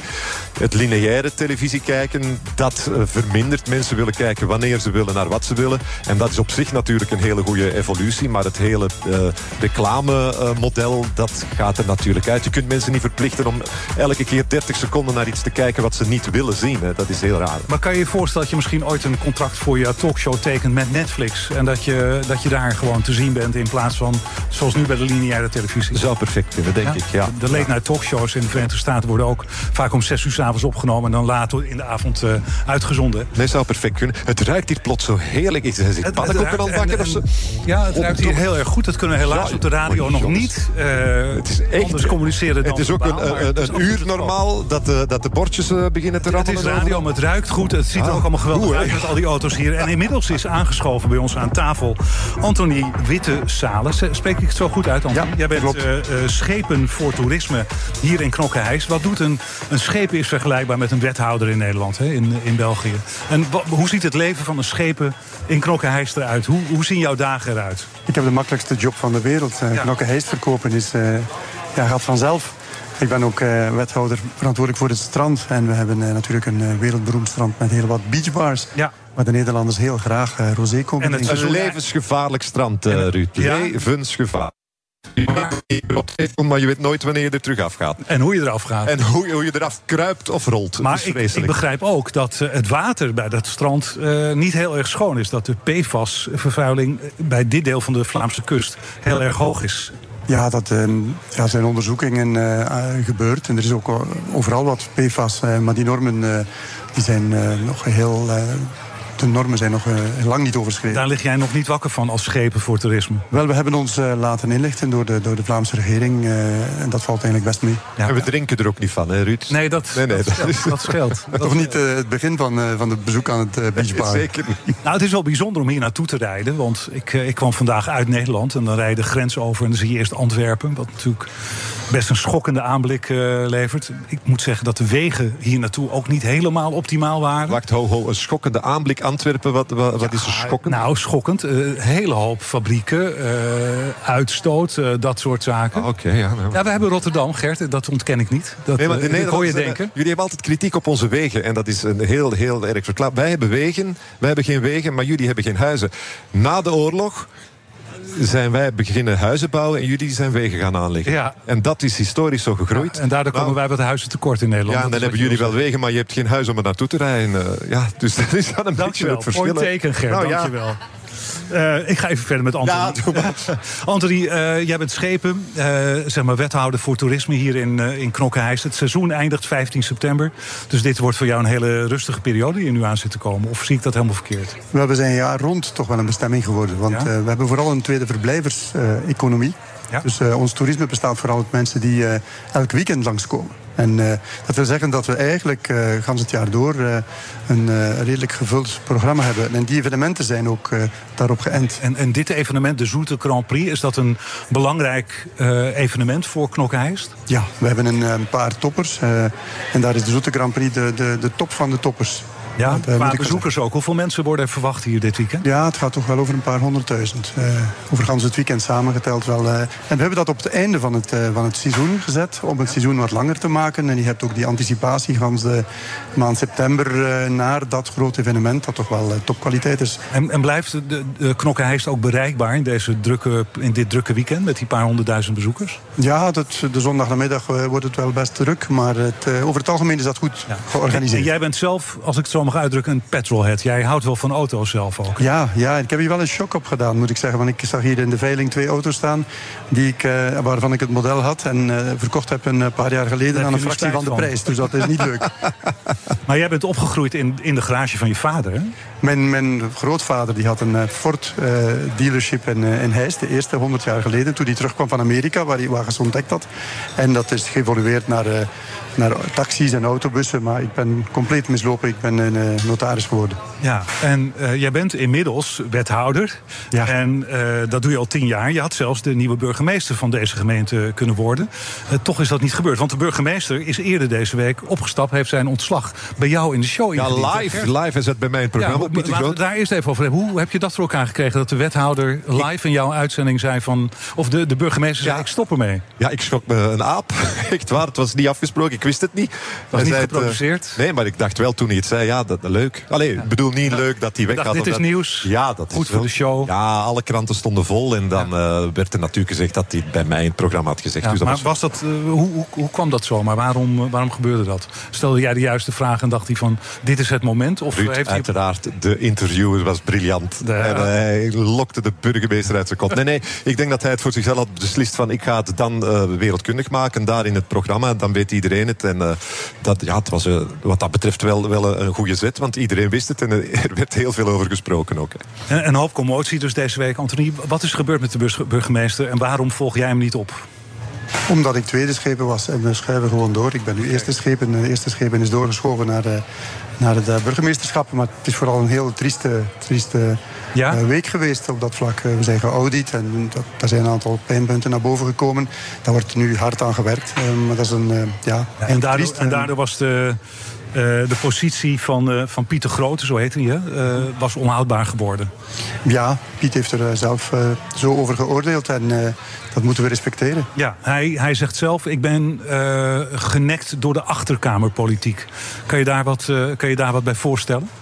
Ja, politiek, ehm, ja, politiek is een, ja, bij momenten een, een, een moeilijke job. En het, maar ik blijf erbij, het is een heel spijtige zaak. maar Knokkenheist, het is niet omdat er wat geroepen wordt in de keuken dat wat wij serveren in het restaurant daarvoor uh, slechter wordt. Uh, in een eerste fase in elk geval niet. Er staat een sterk team. Dat is van plan om, uh, ja, om het mooie werk verder te zetten. Je mag niet vergeten dat we uit een, een heel stabiel heel stabiel verhaal komen. 50 jaar uh, met Leopold Lippes, de, de, graaf, die, die toch wel uh, deze badstad op de kaart gezet heeft. Ja. En dat ja, bij zijn vertrek dat natuurlijk wel wat leegte nalaat. En da, daar ja, moeten we nu wat mee om. En dat is een van die zaken die daar het gevolg van zijn. Het rommelt een beetje, want Grote, de oud-burgemeester... die is voornemens om zijn eigen partij te beginnen. Met al gevolg van dien. Ja, dat is, dat is prima. De kiezer is aan zet uh, over een jaar en dan... Uh, dan krijgen we een doorstart, denk ik. Ja. Over die uh, kiezer gesproken, er is een hoop commotie geweest. Uh, Gert, zal jou niet ontgaan zijn over de dresscode in Knokke-Heist. Uh, er zijn allerlei uh, mensen die het best moeilijk vinden dat er mensen soms in zwembroek of bikini door de winkelstraten hierheen paraderen. Gert? Ja, ik heb er ook een probleem mee. Jij zit er ook mee. Ik zag ja. je meteen zorgelijk gaan kijken. Ja, nee, ik bedoel, ik wil ook niet met sommige lijven geconfronteerd worden als ik lekker ga shoppen. Het is toch ook maar gewoon een kwestie van beleefdheid. En uh, uh, als je met, je met je met je blote lijf op een, op een terras gaat zitten, op een stoel waar, waar iemand anders daarna moet zitten met je bezweten, ja, ingesmeerde, komt...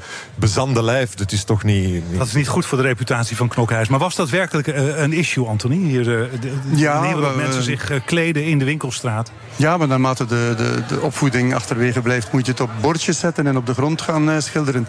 En we zijn daar heel doortastend in, in ja, opgetreden. Want... Maar je merkt dat in gans Europa. Je ziet overal, zelfs in Kroatië, aan de, aan de Côte d'Azur...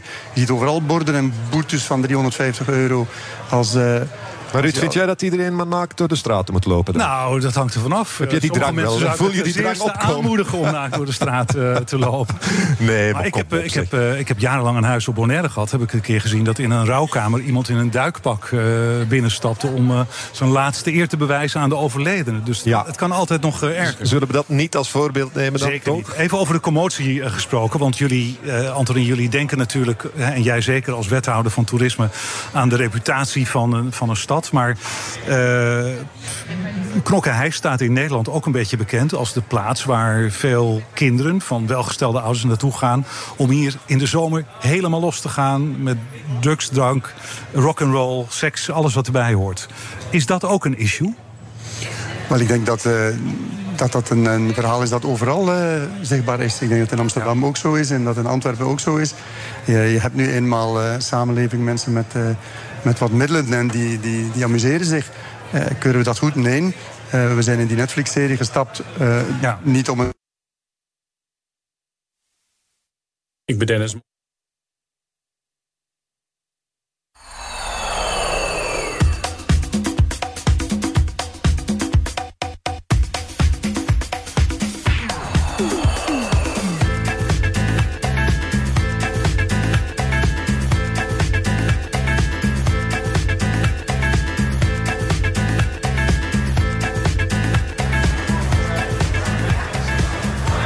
Wij zijn weer bij u terug. De, voor de tweede keer uh, viel zojuist het licht en de elektriciteit even uit in het, uh, in het mooie knokkenhuis. Maar we waren, Anthony, bij het onderwerp Knokken of. Dat is een Netflix-serie die alles laat zien wat er hier in zo'n zomerseizoen in, in Knokken gebeurt. jij zei zojuist, daar zijn wij ingestapt. Vind je achteraf dat een juist besluit? Heeft het jullie geholpen qua reputatie om in die Netflix-serie te zien te zijn? Of zeg je nou, daar zijn toch ook de, de andere kanten, de donkere kanten van de stad misschien te veel in belicht? Wel, als ik zie dat uh, Brugge wereldberoemd geworden is met In Bruges, hè, de, de, de, de Oscar-film, en dat ging over twee huurmoordenaars, dan vind ik dat we nog uh, mooi weggekomen zijn. Het is een topserie. Heb je ze gezien trouwens? Nee, ik heb hem niet gezien. Ah, maar je topcast, moet zien. Topcast, topverhaal. Een van de beste uh, Nederlandstalige series van de afgelopen tien jaar. Ik, uh, ik ga nog eventjes uh, kijken. Als jij dat zegt, Gert, dat betekent uh, dan wat? Topprestatie van Pommeling. Maar we wilden eigenlijk niet meer geassocieerd worden met, met alleen met oude mensen en, en en, en Benidorm aan de Noordzee.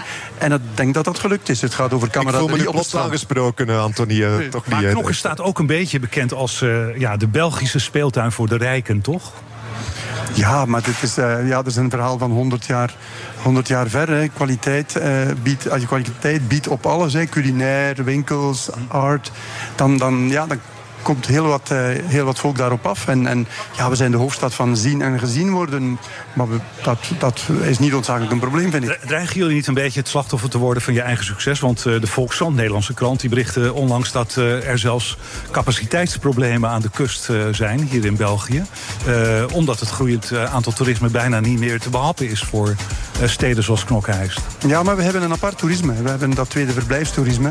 En nu hebben we toch maatregelen genomen om te zorgen dat het evenwicht tussen tweede verblijvers en eerste verblijvers mooi bewaard blijft. Hè, rond de 50-50. En dan denk ik dat we daar met een, uh, met een mooi evenwicht zitten waar we de toekomst mee aan kunnen. Gert, wordt het te druk in, uh, aan de Belgische kust? Jij hebt hier huis uh, in een wat rustiger deel. Dat is een luxe probleem. Hè. Ja, bon, als er veel mensen naar hier willen komen, ik denk iedereen is hier welkom. En als het te druk is, ja, dan ga je terug naar huis. Ja, dat is allemaal niet zo moeilijk. We moeten daar niet zo een ding van maken, denk ik. Ja. Er zijn uh, grotere problemen in de wereld. Ik denk het wel. Zo direct, dat is zeker. verder praten met uh, Anthony Wittesalen en met Ger Verhulst natuurlijk hier in de Friday Move op BNR Nieuwsradio. Blijf bij ons, blijf bij BNR.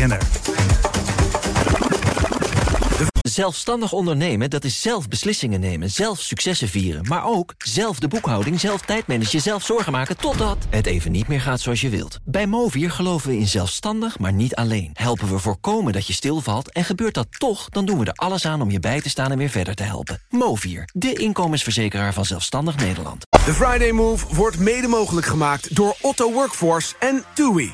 Live happy.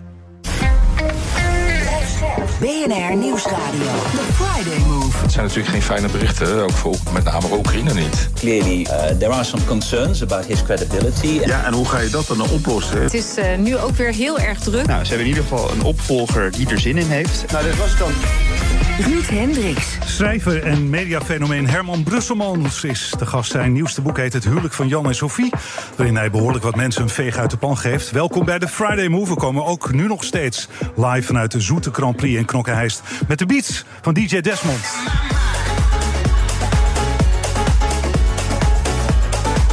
En ook nog steeds aanwezig is mijn co op deze vrijdagmiddag in België in Knokkenheist. Maar eerst gaan we eens eventjes uh, naar onze buitenlandcommentator Bernard Handelburg. Die is in Nederland, die is in Amsterdam. Uh, en Nederland was totaal niet voorbereid op de val van de Afghaanse hoofdstad Kabul in 2021. Um, het opzetten van de evacuatieoperatie van landgenoten... daar was buitengewoon beperkt en kwam veel te laat op gang. Dat is de conclusie van de commissie Ruis... die vandaag met haar eindrapport kwam. Bernard, een verrassende conclusie? Nee, hè? Nee, helemaal niet, Ruud. Ik, ik was toen al verbaasd. Je, je weet, het is toevallig een land waar ik wel iets van weet. Ik, ik ben er zelf ook geweest. En het rare van dit verhaal... van meet af aan is geweest, de Amerikanen... Laat, laat ik het zo zeggen Obama heeft in zijn, vanaf zijn verkiezingscampagne al gezegd: ik wil weg uit, uh, uit uh, Afghanistan. Dat is niet gelukt. Um, Trump heeft al vanaf zijn campagne gezegd: ik wil weg uit Afghanistan. Dat is gedeeltelijk gelukt. Bush heeft gezegd: ik wil weg uit Afghanistan. Die heeft het uiteindelijk gedaan. Erg schoksgewijs, laten we het zeggen, onverwacht en heel snel. Maar ja, we wisten al vanaf, eigenlijk vanaf 2008, 2009, 2010... dat die oorlog niet te winnen was en dat we hem zouden verliezen. En dat dus op een moment de, westerse uh, troepen zouden verdwijnen. En het idiote van dit verhaal is dat als je het goed leest, dat rapport...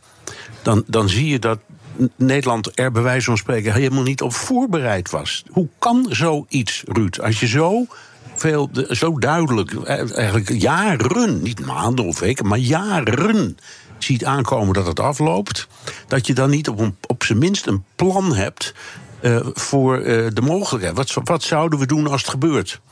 Dat is ja. één ding. Bernard, waren andere landen wel voorbereid? Een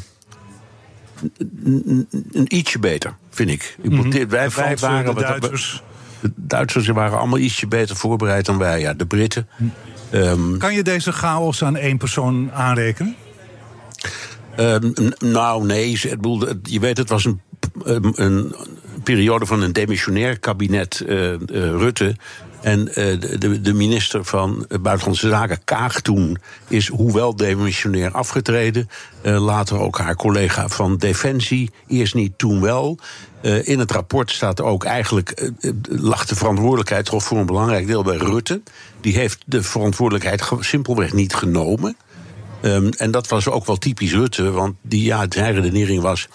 Bepaalde taken liggen bij bepaalde ministers, hè, daar ga ik daar niet over. Maar het erge was niet alleen dat de, de eigen mensen die daar zaten uh, in enorme moeilijkheden kwamen. En, en via, via een, een, een, een, uh, een stuk weggeknipt prikkeldraad in een hek uiteindelijk nog wel wisten te ontkomen. Dat heette dan uh, Spot Holland. Um, maar dat niemand had gedacht aan dat nou, ik zeg, behoorlijke leger van uh, Afghanen die zich hadden ingezet voor Nederland. En je hebt het bekende verhaal van de tolken. maar er waren meer. Er waren mensen die allerlei diensten verrichten. Er waren ook, ook fixers voor de media. Toen ik daar zelf was, had ik ook zo'n fixer. Eh, een vrouw die eh, overigens tot mij was gekomen via de Amerikanen. Dus ik, ik denk wel dat, die, dat voor die vrouw en haar gezin is gezorgd. Maar wij hebben daar niet eens over nagedacht. Ja, En, dus, dus, dus kwamen niet kwamen die. De, we roepen, hebben het altijd het probleem van de tolken, maar die mensen hadden ook gezinnen. En daarvan zei de Nederlandse regering: ja, ja, ja, ja, nou ja. eh, die tolken dan misschien maar wel, maar, maar ja, die gezinnen, ja. Enfin, het was om je dood te schamen, deze hele affaire. Het was een zootje. Ja. Eh, maar eh, premier Rutte en ook minister Kaag zijn beide dimensionair, komen beide niet meer terug. Eh, gaat zo'n rapport dan nog consequenties hebben of verdwijnt dat in een la en horen we er nooit meer wat van? Ik, nou ja, in elk geval is het voor de geschiedenis van belang. Ehm, en, eh, maar ja, gaan, we er nog iets van horen? Ik, ik, ik vermoed van niet, want eh, de- iedereen roept in zulke omstandigheden altijd... ja, zit er een les in voor de toekomst? Nou, ik hoop dat Nederland nooit meer zo debiel is om in een oorlogsavontuur aan de andere kant van de wereld te stappen... waarvan je van tevoren al kon zien dat het niet, te winnen was. Dus, dus, De, puinhoop in Afghanistan is nog steeds enorm. Ja, is nog steeds enorm. En het is, bedoel, we hebben niet een beetje verloren, we hebben totaal verloren. Al die dingen waarover werd gesproken. K- eh, meisjes die naar school mochten. En, en het, het, het einde maken aan de opiumteelt van de boeren. En, en iets wat lijkt op instituties, een parlement, ga ze maar door. Allemaal mislukt. Het is volkomen mislukt. En ik, ik, ik vind het altijd vreselijk om het te zeggen, maar hoe leggen wij als Nederlanders dat nou uit aan die 25 mensen die gesneuveld zijn? Nederlanders die daar gesneuveld zijn. Het is één groot schandelijk verhaal. Het is echt een, een, een schandvlek, vind ik. Dus het is goed dat dat eh, in een snoeihard rapport wordt afgestraft. En eh, in antwoord op je vraag, ik zou niet anders weten dan dat we moeten concluderen: zet het vooral zorgvuldig weg. Zorg dat dit in de geschiedenisboeken terechtkomt. Laat het een les zijn in het algemeen. Hè. Eh, la- laat ik nog eens iets zeggen. Je, je zou kunnen zeggen dat de Verenigde Staten en de bondgenoten daarbij... na de Tweede Wereldoorlog niet één oorlog ooit hebben gewonnen. Ze zijn wel in oorlogsavonturen terechtgekomen, maar nog nooit gewonnen. Ehm, en wij is een, zijn- eh, het conclusie, zijn allemaal verloren dingen. Dus het gaat ook over missies waar Nederland graag en veel aan meedoet. Het is wat dat betreft een, echt een les en een schandvlek op onze geschiedenis. Bernard Hammelburg, dankjewel. Wij gaan eh, verder praten hier in Krokkenhuis met eh, onze Vlaamse gast aan tafel. Gert Verhult is, is hier nog steeds mijn co-host. En Herman Brusselmans is aangeschoven. Herman. Hallo Ruud. Hallo. Hallo Gert. Hallo Herman. Ik, eh, ik moest even goed kijken. Ik was even bang dat ik je niet herkende. Want je hebt, eh, in België weet iedereen dat inmiddels natuurlijk al, al hele lange tijd weer. Maar jij hebt letterlijk je wilde haren afgeknipt. Ja, dat was groot nieuws in België. Afghanistan is groot nieuws, maar mijn haar dat eh, eraf ging, dat was nog veel groter nieuws. Hè. Ja, ik was het beu, eh, Ruud. Eh, het, het was dof, het was dor, het was dood. Mijn kind trok het allemaal uit, dus af, afgesneden. En al die jaren heb je geluisterd naar Neil Young, Almost Cut My Hair. En dan heb je het gedaan. Hoe voelt het zonder, zonder je lange haren? Het voelt fantastisch. Ik heb 37 jaar lang, lang haar gehad. En eh, ik had het eerder moeten weten, want kort haar voelt fantastisch. Ja, ja, het probleem is, wij maken eh, binnenkort een nieuwe serie met eh, parodieën, waar we bekende Vlamingen in parodiëren tegen de sterren op. Er komt een soort eh, vervolg op eh, ooit. En Herman was een van de topfiguren, omdat als je iemand een pruik opzette met lang grijs haar en je zette een bril op, dan leek je al meteen op Herman Brussel. Precies, ja. ja, dat is dus nu volledig... En dat is al opgenomen, Gert. Nee, nee, nee, nee, nee. Ja, we zijn ja. er al bezig. Dat is, eh, ja. Maar Herman, je bent eigenlijk een beetje aan je tweede jeugd eh, begonnen. Want je bent ook nog eens gestopt met roken. Ja. 55 jaar gerookt. Ja. Hoe, hoe gaat dat? Heel slecht. Ik, eh, moet, ik, ik, ik, eh, sorry trouwens dat ik eh, bijna te laat was hier. Ik was hier pas om half drie, dus eh, ik was bijna te laat. en de hele tijd dat ik hier zit te wachten in dit gezellige oord... zit ik alleen maar aan sigaretten te denken. Echt waar? Ja, ja. Is het zo? Alleen maar. Hoe lang ben je, hoe lang ben je nu gestopt? Vier dagen.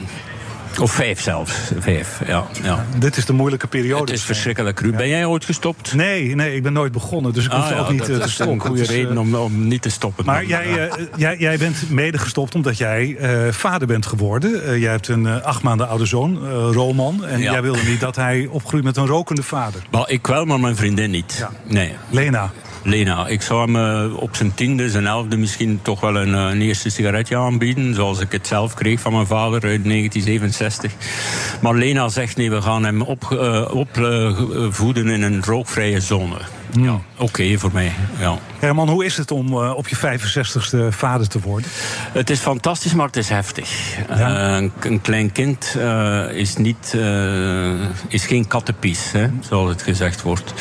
Ik vind, ik vind het het leukste ventje ter wereld natuurlijk. Ik ben een stapel gek op, maar ik durf wel eens huilen en s'nachts wakker worden. Ja. En, en dan ga je er s'nachts ook uit of laat je dat aan Lena over? Lena doet de nacht, ik doe meestal de dag. Mm. Ja. Gert, kan jij je die dagen herinneren dat je s'nachts uit moest? Ja, maar ja, dat is grappig. Herman zit heel vaak bij mij aan tafel in de talkshow.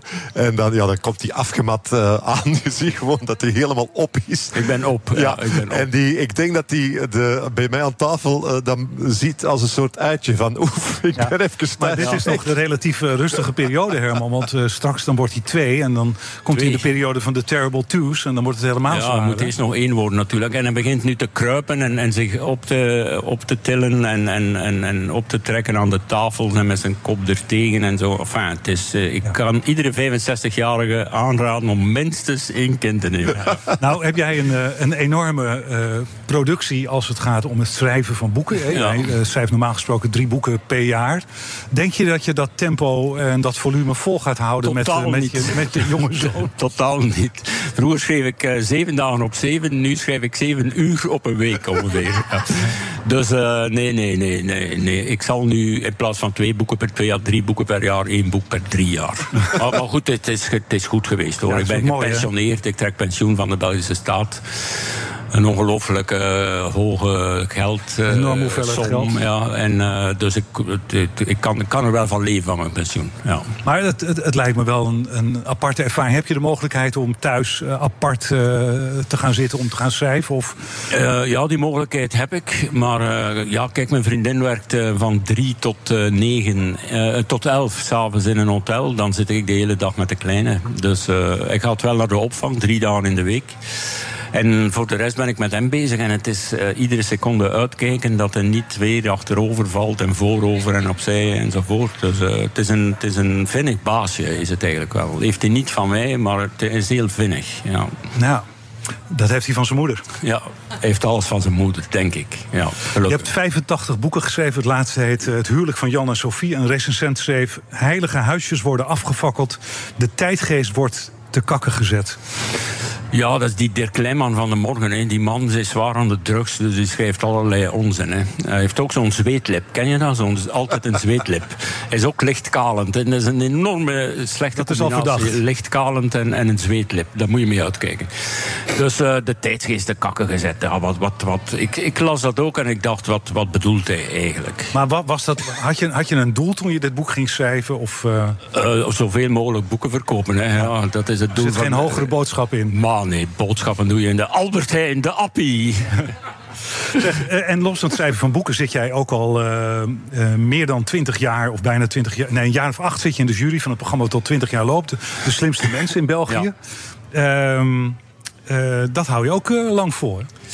Ja, ze vragen me ieder jaar. Ze hebben mij wel al twintig jaar gevraagd om mee te doen als kandidaat. Maar dat doe ik niet, omdat ik uh, bang ben voor een blackout. Wat de meeste mensen die daar zitten wel hebben, maar ik ben er extreem bang voor. En ik zeg wel eens al, al 40 jaar eigenlijk dat ik heel intelligent en heel slim ben en alles weet. En dan zou je ineens uh, op nul seconden komen. Weet ja. je wel, dat, maar dat riskeer ik niet. Dus blijf ik uh, wijselijk in de jury zitten. Nou, daar kan je niks, niks, mee, niks fout mee doen, eigenlijk. We zitten hier in uh, Knokkenheist. Uh, heb je iets met, met deze plaats? Ik heb twee jaar een uh, appartement gehuurd hier in Knokken, maar dan weer opgegeven omdat we te weinig kwamen. We waren zinnes toen met mijn ex-vrouw om iedere week in het weekend naar Knokken te komen, maar dan was het weer slecht weer en dan was het weer dit en dat. Dus ik heb veel geld gegeven voor het appartement en dat is allemaal uit het raam gegooid. Wat, wat had je verwacht toen je hier naartoe kwam? Wat, wat, wat zocht je? Ik zocht een leuk appartement en dat heb ik gevonden. Dat was een heel leuk appartement. En uh, voor de rest, ja, je hebt het strand hè, en je hebt de zon en je hebt mensen uh, die in bikini gaan shoppen enzovoort. In die tijd mocht dat nog. Ik vond dat fantastisch. Gert is er niet echt voor, maar ik vond het fantastisch. Dus te zien wie je er. Ja, maar uh, let op, in Knokken lopen dus extreem veel lekkere wijven rond. Daar is Knokken bekend. Dus je moet rekenen, rijke mensen zijn meestal mooier dan arme mensen. Daar kunnen die arme mensen niks aan doen. En daar trekken die rijke mensen zich geen fuck van aan. Maar het is gewoon zo. Het loopt die vol lekkere weven. Ruud, heb je al eh, rondgekeken? Ik was hier een half uur. Jij was nog, nou, je was bijna nog eerder hier dan ik hier was. dus ik heb nauwelijks rond kunnen kijken. Wat Ah, ja. mij wel opviel, ik kwam hier aanrijden en dan zie je een, een, een behoorlijk mooi, welstandig deel van Knokken. Maar dan kom je echt aan de boulevard waar we nu zitten. En als je hier om je heen kijkt, je ziet hoge flatgebouw. Het is niet echt het, de, de, de parel van Europa die Ja, dat is de kust, hè, hoge flatgebouw. Ja, ze willen die zoveel mogelijk mensen in, in, eh, in tweede verblijven stoppen en, enzovoort. En ja, de, de zee, het strand, dat trekt mensen aan. Ik weet niet waarom hoor. Maar eh, het is trouwens heel toevallig dat ze ooit zo'n put gevonden hebben waar heel die Noordzee in kon, zit ik soms te denken. Maar eh, wat ben je ermee met de zee? Ik, ik, ik haat water trouwens. Ik heb ook watervrees. Hydrofobie heet dat. Dus je had eigenlijk nooit naar Knokken moeten Nee, komen. had ik niet moeten doen. Nee, nee. Ehm, jij rijdt geen auto, maar je bent wel gek op auto's. Ik zag je aankomen, misschien vergis ik mij, maar je had een motorhelm ook bij je. Ja, ik ben met de motor de Triumph eh, Street Triple. eh, dus 765R. Oh, de En R? De R. Je hebt Oh. een RS-Gert, die is iets duurder. Maar ik heb voor de R gekozen omdat ik zo'n bescheiden jongen ben. Ja, weet je wel. En, past eh, 100% bij jou. Precies, ja, ik ben met de motor. Ja. En ik ga straks, eh, heb ik afgesproken met mijn vriendin in Blankenbergen. Nog een andere parel aan de Belgische kust. Ja. En, dan, en dan gaat de, je vriendin achter op de motor mee terug? Nee, nee, of, eh? de vriendin komt met, het, eh, met Roman, het zoontje, en de hond. Hmm. Die gaan allemaal samen in één hotelkamer eh, in Blankenbergen vannacht. Dus we maken er een uitje van. Een familieuitje. Een familie. Want inmiddels heb ja, als je, met- als je met z'n tweeën bent, dan, ja, dan heb je een relatie. Maar je hebt nu echt een familie. Ik heb een familie. Ben je een ja. familiemens? Een zoon en een hond, dat is een familie, hè? Ja. Ben je een familiemens? Ik ben absoluut een familiemens, ja. Eh, met kerstavond, 24 december, nodig ik altijd bij mij thuis heel, heel mijn familie uit. Die zijn dan met z'n tweeën. En eh, dus ben ik echt heel blij dat ik zo'n kleine familie heb. Want je steekt daar toch ook voor de rest veel geld in. En moeite en tijd en energie. En wat ben je ermee? Wat ben je met tante Nicotine? Wat ben je daarmee met dat wijf? Ik bedoel, ze is dood en dat is maar goed ook, Ruud. Maar, maar Herman, eh, zoals Gert met zijn familie eh, de real life soap heeft en een groot succes. Is dat wat voor jou om, eh, om met Lena en Roman samen de camera eh, bijna dag en nacht op je gericht te hebben? Eh, ja, ik wacht op een voorstel. Ja, ik wacht Gert, op een voorstel. Ik moet Kunnen we zaken doen vandaag? Dat kan, ja, het kan. eh, maar het staat natuurlijk wat tegenover. Ik moet wel zeggen. Videoland, of hoe heet die Ja, zender? Videoland, ja. Die had mij veel geld aangeboden om de zwangerschap van mijn vriendin en de geboorte van Roman eh, te filmen, zeg maar. Maar dat heb ik natuurlijk geweigerd. Ja, en- Mhm. Maar, maar zo'n zo'n soap als, eh, als Gert eh, doet dat. ik moet dat- zeggen, ik heb, ik heb heel die reeks gezien van Gert en ik, ik lach met de pletter. Mhm. Zeker met die, die Victor. is Echt, ken je Victor een beetje? Nee, nee, helaas een niet. bijzonder figuur. Als, als, die daar, als ze dan op die bank zitten met z'n tweeën. Hè, Victor met Gert of Victor met, eh, met zijn zus. Ik lach met de pletter met die gast. Die heeft zo van die theorieën en die one-liners. Ik, ja, ik, ik, ik kijk heel de reeks. Ik vind, ik vind het een van de beste programma's op de Belgische televisie. Voilà, bam. Ja. Verhulstjes. Maar zelf moet je er niet aan denken. Oh ja, weet je, dat ze zien hoeveel ze betalen. Als ze een half miljoen geven, dan wil ik het wel doen. Dan eh, wil je erover denken. Maar Ja. echt nodig is natuurlijk niet. Want het huwelijk van Jan en Sofie ligt nu in de boekhandel. En dat, Het loopt goed, ja. dat is natuurlijk eh cashje, of niet? Eh, ja, dat is eh 12,5 procent per boek. Het is simpel uit te rekenen. Ja. En op dit moment zijn er 480.000 van verkocht, dus dat eh trekt wel lang. Ja. Heb je, je, je- je hebt- 2-0 te veel. Als je kijkt naar de toekomst van het boekenvak, hè, je ziet nu eh, met eh, kunstmatige intelligentie dat eh, ChatGPT schrijft boeken in de stijl van Herman Brusselmans, als je dat wil. Zie je dat als een de- bedreiging of niet? Ze hebben een test gedaan, dus in mijn stijl en de stijl van andere schrijvers. En het staat nog in de, in de kinderschoenen, maar het is denkbaar dat over tien jaar die ChatGPT eh, dezelfde boeken schrijft, of betere boeken dan om het even wel Ja, maak je daar zorgen over? Of denk je nou, mijn tijd is geweest, die eerste 85 Ja, boeken, maar ik maak me wel zorgen voor jongere schrijvers dan. Het kan zijn dat die totaal overbodig worden. Maar heel, heel veel mensen kunnen overbodig worden door die AI. En Ja, natuurlijk. McKinsey denkt zo'n 375 miljoen voor het jaar 2030. Er zijn, er zijn veel Maak jij je beroepen- zorgen? Er zijn veel beroepen verdwenen in de, de afgelopen honderd Ja. jaar. Hè? Ja. bedoel, dat een maar- vooruitgang. Kijk, en presentatoren zoals jij en ik, eh, wij, wij kunnen er ook ernstig onder gaan lijden. Want Ja. we hebben maar een minuutje van je stem nodig. En eh, hoppa, Ja, we zullen wel zien. weggeautomatiseerd word je. Maak je je er denk- zorgen over, Gert? Ik denk dat je het moet proberen te omarmen op, eh, op eh, welke manier ook. Werk jij het al met kunstmatige intelligentie? Nee, voor, ja, waarschijnlijk wel, maar niet echt eh, bedoel, actief of zo dat ik het weet. Maar het zal wel ergens al van toepassing zijn in de dingen die we doen. Maar we zitten bijvoorbeeld heel erg in de tekenfilmindustrie. We hebben een grote studio in Australië. En ja, dat is ook, je voert een paar tekeningen in binnen dit en tien jaar en er komt een tekenfilm. Ja, maar het gaat gewoon. Herman, je nieuwste boek ligt dus net in de winkels. eh, Maar je bent, ben je alweer aan het schrijven? Of eh, vooralsnog alleen Ja, ja, maar eh, aan het bezig. opvoeden? Trager dan vroeger dus, maar ik ben bezig aan een volgend boek. ja. Ja? Kan je al een tipje van de sluier oplichten? Het boek heet eh, Waar mijn voeten mij brengen, daar zal ik schoenen kopen. En het is, een zwaar- lange titel, hè? Ja, tien woorden. Dat is, dat is zo echt het maximum. Max, dat is toch de max? Ja, want Ja. als ik het over een minuut vraag, hè, wat is die titel ook weer? Ik Iets met voeten en schoenen, zeg ik dan maar. Maar het even proberen. een, een eh, alternatieve titel is, ik ben nog niet zeker, het Romanboek. Omdat mijn zoontje daar een heel grote rol in speelt. Het is zwaar autobiografisch. Oh, Ja, kijk. ja. Ja, maar je Dus zou- dit, wat we nu aan het doen zijn, in mijn volgende schrijfsessie komt dat dus te pas. Ja. Wat wij nu, eh, dus in, deze vol, in Ja, jouw volgende je boek, eh, ga je een programma, stuk... eh, jij en, en je medewerkers enzovoort. Herman, ik kijk er ontzettend naar uit. En dan hoop ik je wederom eh, terug te zien. Misschien hier op, eh, op BNR of, ergens anders. Dankjewel. Graag gedaan. Herman Brusselmans, heel veel succes met boek eh, 86. En, 87. tot eh, 87. En tot een volgende keer hier bij, eh, dankjewel, bij BNR. Eh, blijf bij ons, blijf bij BNR, blijf bij de Friday Move. Want straks na zes het laatste half uur van dit programma. Zelfstandig ondernemen, dat is zelf beslissingen nemen, zelf successen vieren... maar ook zelf de boekhouding, zelf tijdmanagen, zelf zorgen maken... totdat het even niet meer gaat zoals je wilt. Bij Movier geloven we in zelfstandig, maar niet alleen. Helpen we voorkomen dat je stilvalt en gebeurt dat toch... dan doen we er alles aan om je bij te staan en weer verder te helpen. Movier, de inkomensverzekeraar van Zelfstandig Nederland. De Friday Move wordt mede mogelijk gemaakt door Otto Workforce en TUI. Live happy. BNR Nieuwsradio. The Friday Move. The office of Speaker of the House is hereby vacant. I think it's been a roller coaster. Zijn lot hangt aan een zijden draadje. Welke aandelen moeten de eindejaarsrally gaan dragen? Geloof je daar nog in? Naar? En het antwoord op die laatste vraag is eh, ja. Ruud Hendricks. Welkom bij het laatste half uur van de Friday Move... live vanuit de Zoete Grand Prix in Knokke-Heist... met de beats van DJ Desmond. En in dat laatste half uur gaan wij eh, verder praten. En wij zijn eh, Gert Verhulst, mijn co-pilot van vandaag... met eh, Maarten ten Holder. Hij is de managing director van Bonhams Motoring. En Bonhams Motoring heeft hier op de Zoete Grand Prix... een hele grote stand... Met allerlei geweldige auto's die te koop zijn en dergelijke. Hoe belangrijk is deze, deze beurs eigenlijk voor jullie, Maart?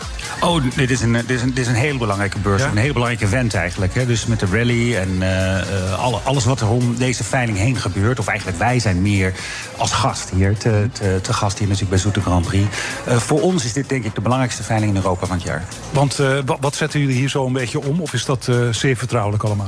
N- Nou ja, het is, het- we willen dat graag. Het is helemaal niet vertrouwelijk, want je kunt gewoon in de veiling gaan zitten en meet- meeturven. We hebben vorig jaar ongeveer voor 25 miljoen geveld hier. Eh, en we hebben nu net 130 miljoen aan, aan auto's klaarstaan voor eh, aanstaande zondag. Ja, we moeten eventjes eh, tegen onze luisteraars eh, zeggen dat eh, jij bent ingevallen. We hadden hier een andere gast verwacht, maar die zit nog in de rally. Dus we zijn spontaan met jou gaan eh, praten. Je zei geen enkel probleem, dat half uurtje praten wij zo vol. Want morgen moet ik acht uur praten, want dan ga ik die veiling doen. Ja, dat is, dat is correct. Het is eh, op zondag, hè? Op zondag. Ja, Dus, dat de luisteraars weten wanneer ze mogen bellen en mogen meekijken. Maar nee, het is op zondag. En ja, zo'n veiling. We, we veilen ongeveer 20 auto's per uur. Nou, we hebben 100 auto's staan.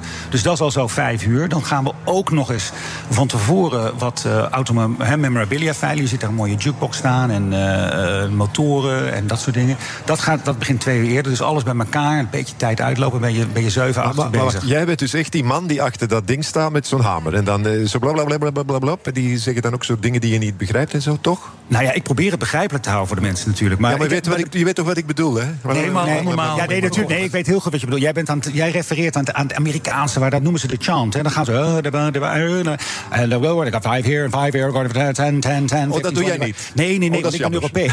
Ik ben. Europeaan, dus het doet veel beleefder. Het doet veel beleefder. Vind ik zelf, hè, maar dat vinden de mensen misschien normaal. Maar het moet wel vooruit gaan, hè, toch? Het moet heel hard vooruit gaan. Dus dat is de bedoeling. De bedoeling is dat alles, het gaat altijd omhoog. Als mensen naar beneden gaan bieden, zeggen het is geen Nederlandse veiling, het is een Amerikaanse. En er wordt ook ingebeld van over heel de wereld. dan De hele gaat wereld, ja. Dus dit, we, hebben, we zullen straks bieders hebben die bellen. Wij bellen mensen op die zeggen: Ik wil gebeld worden. Gaan mensen via internet meebieden. Er zijn mensen die doen van tevoren schriftelijke biedingen.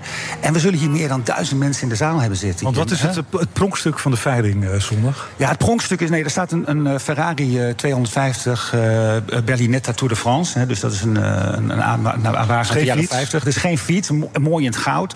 Ja, die heeft een taxatie van 5 tot 7 miljoen. Dus dat is natuurlijk wel... En dan begin je van eh Ja, dan 4,5 begin je- miljoen of zo? Nou, misschien zelfs nog iets lager. Dat is eigenlijk een goede vraag. Weet je, met, met autoveilingen is het heel anders. Ik zat vroeger in de kunst. Met auto's begin je vaak wat lager en je zet het tempo en mensen zijn aan het bieden en we kijken. En soms, soms gebeurt het ook wel eens. Want je hebt natuurlijk een verschil. hè. Kijk, 5 tot 7 is de taxatie.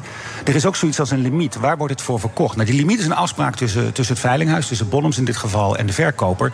Die is 5 miljoen of lager. Soms is die wel lager. Dus het is altijd de Dus moeite waard om te voor, komen maar voor kijken. minder wordt hij niet verkocht. Want dan zegt de eigenaar van, eh, dan gaan we het niet doen. Nou, je bent nu aan het vragen. Of voor minder dan de limiet of Ja, van 5 ja, voor minder dan de limiet. Nee, voor minder dan de limiet wordt het in principe Maar niet heb, verkocht. heb jij dan zo van die trucjes om het eh, bedrag toch de hoogte in te jagen? Een bepaalde manier van eh, ja, de mensen een beetje tegen elkaar opzetten en jaloers maken van ik moet hem hebben? Of, of heb je daar eigenlijk weinig invloed op? Nou, eh, ik, ik hoop dat ik daar een beetje invloed op heb. Daar word ik voor ingehuurd onder andere. Nee, maar weet je wat het is? Het, het, het is als volgt. Wat je, wat- het, het is zo, hè? Ik zit met jullie twee zit ik in de, in de, in de veiling. Jullie willen allebei willen jullie. Laten we even niet beginnen met die Tour de France. Weet, er staat buiten een hele leuke Alfa Romeo bus uit 1970. Dat is een leuke campingbus. Het is nog steeds mooi weer. Die is geloof ik 60 tot 80.000. Maar, wacht even Ruud, want dat had ik niet verteld. Zonder limiet. Dat betekent dat die auto verkocht kan worden ook voor 5000, voor 500. Voor elk bod als de mensen stoppen te bieden. En nu gebeurt het. Jij begint. Ik zal heel snel zijn. Of moest, ik moest nou Nee, volpraten tijd, zijn. eh, Jij rustig zei, moet een half uur vol. Dus ik begin op 500. En Gert wil hem ook. Vet zijn 550. Dus ik ga naar Gert. Je 550? Ik wil graag 600 bij jou. En nu, kijk, ik ben nou met jou aan het praten. Jij bent nou mijn beste vriend. jij kijkt mij ook recht in de ogen. Ik wil 600 Jij van jou. En jij jij geeft zit mij in mijn portemonnee. En jij geeft mij die 600. En nu zeg ik, Ruud, sorry dat ik net bij, Gert, sorry dat ik net bij Ruud stond. Maar ik wil heel graag van jou 650. En jij vindt dit ook een mooie... Toch? En, nu, en dan... Want dat is natuurlijk het ideale scenario. Je hebt er twee die het willen. hè? Nou, het ideale scenario is als ik een 6 heb die het willen. Want dan ben ik gewoon 500, 600 en dan gaan we omhoog. En trouwens, we gaan niet zo laag op die bus. Maar Maarten, waar, waar leer je dit vak? Hoe, hoe begin je dit vak? Poeh, eh, nou, ik ben begonnen toen mijn vader me vertelde dat ik geen acteur kon worden. Dus dat zat er niet in, zei hij. Want, eh, en, en ik ben, ja, bij het veilinghuis ben ik naar binnen gerold. Het was destijds een ander veilinghuis, ben ik de naam even van vergeten. want. Maar nee, ik ben destijds in, eh, in 19, wat is het? 1990, terwijl ik op de universiteit zat in Amsterdam begonnen met, eh, met kunstveilingen. Maar ik, kan, me- ik kan me inbeelden, je zit dan bij die veiling, hè, je wilt iets kopen en je bent maar aan het bieden, dat je even, even, even jezelf verliest en dat je dan een bod doet wat je helemaal niet kunt betalen. Gebeurt dat wel eens? Dat mensen achteraf zeggen, ja sorry, maar ik heb het niet. Nee, dat valt wel mee. Weet je, alle mensen die komen veilen, die komen op zo'n veiling, die worden ook van tevoren natuurlijk allemaal even, die moeten zich inschrijven. Je kan niet zomaar naar binnen lopen en zeggen, oh, ik veil wel mee. Dus Die worden gescreend eigenlijk ook? van wat tuurlijk. zijn ze waard? Wat hebben ze... Nou, wat zijn ze waard? Dat klinkt, maar je, wordt, je gaat natuurlijk wel even met mensen in gesprek. En er worden natuurlijk wel, er worden van tevoren. Kijk, als je op een auto van 5 miljoen mee wil bieden, dan zeggen we toch gewoon heel even met de bank praten. Maar begin, je, begin je dan je carrière bij, bij dingen die goedkoop zijn, die, waar je weinig fouten kunt maken? Of eh, begin je gewoon huppakee meteen een diepe bij auto's van 5 miljoen? Nou, nee. Ik, ben, ik, nee, ik heb jarenlang kunst gedaan en ik begon met kleine veilingen. Ik heb jarenlang ook een eh, eh, veilingen gedaan. Het was nog met gulden. Dus we begonnen op 100 gulden tot 10.000 gulden. Ja, dus, dus, En zo leer je het en vak. zo leer je het. En het, weet je, en het rare is ook, Ruud, mensen vragen me dat vaak. En jij vroeg het niet, maar ik ga toch antwoorden. Nee, maar het rare is namelijk... me- Ik vind, maar mij, mij maakt niet uit of ik op een miljoen zit of of ik fijn... Het enige wat ik leuk vind, is dat ik van jou nog één bod krijg. Ja, nu dat, is, nog dat één. is jouw sport. Dat is jouw sport. En en, en wat je in de films ook ziet, is dat mensen per ongeluk niezen of zo. En die hebben dan. eh, het, Oh ja, ja, die moeten gebeurt. betalen. Niezen is betalen. Of aan haar- ja. aan-.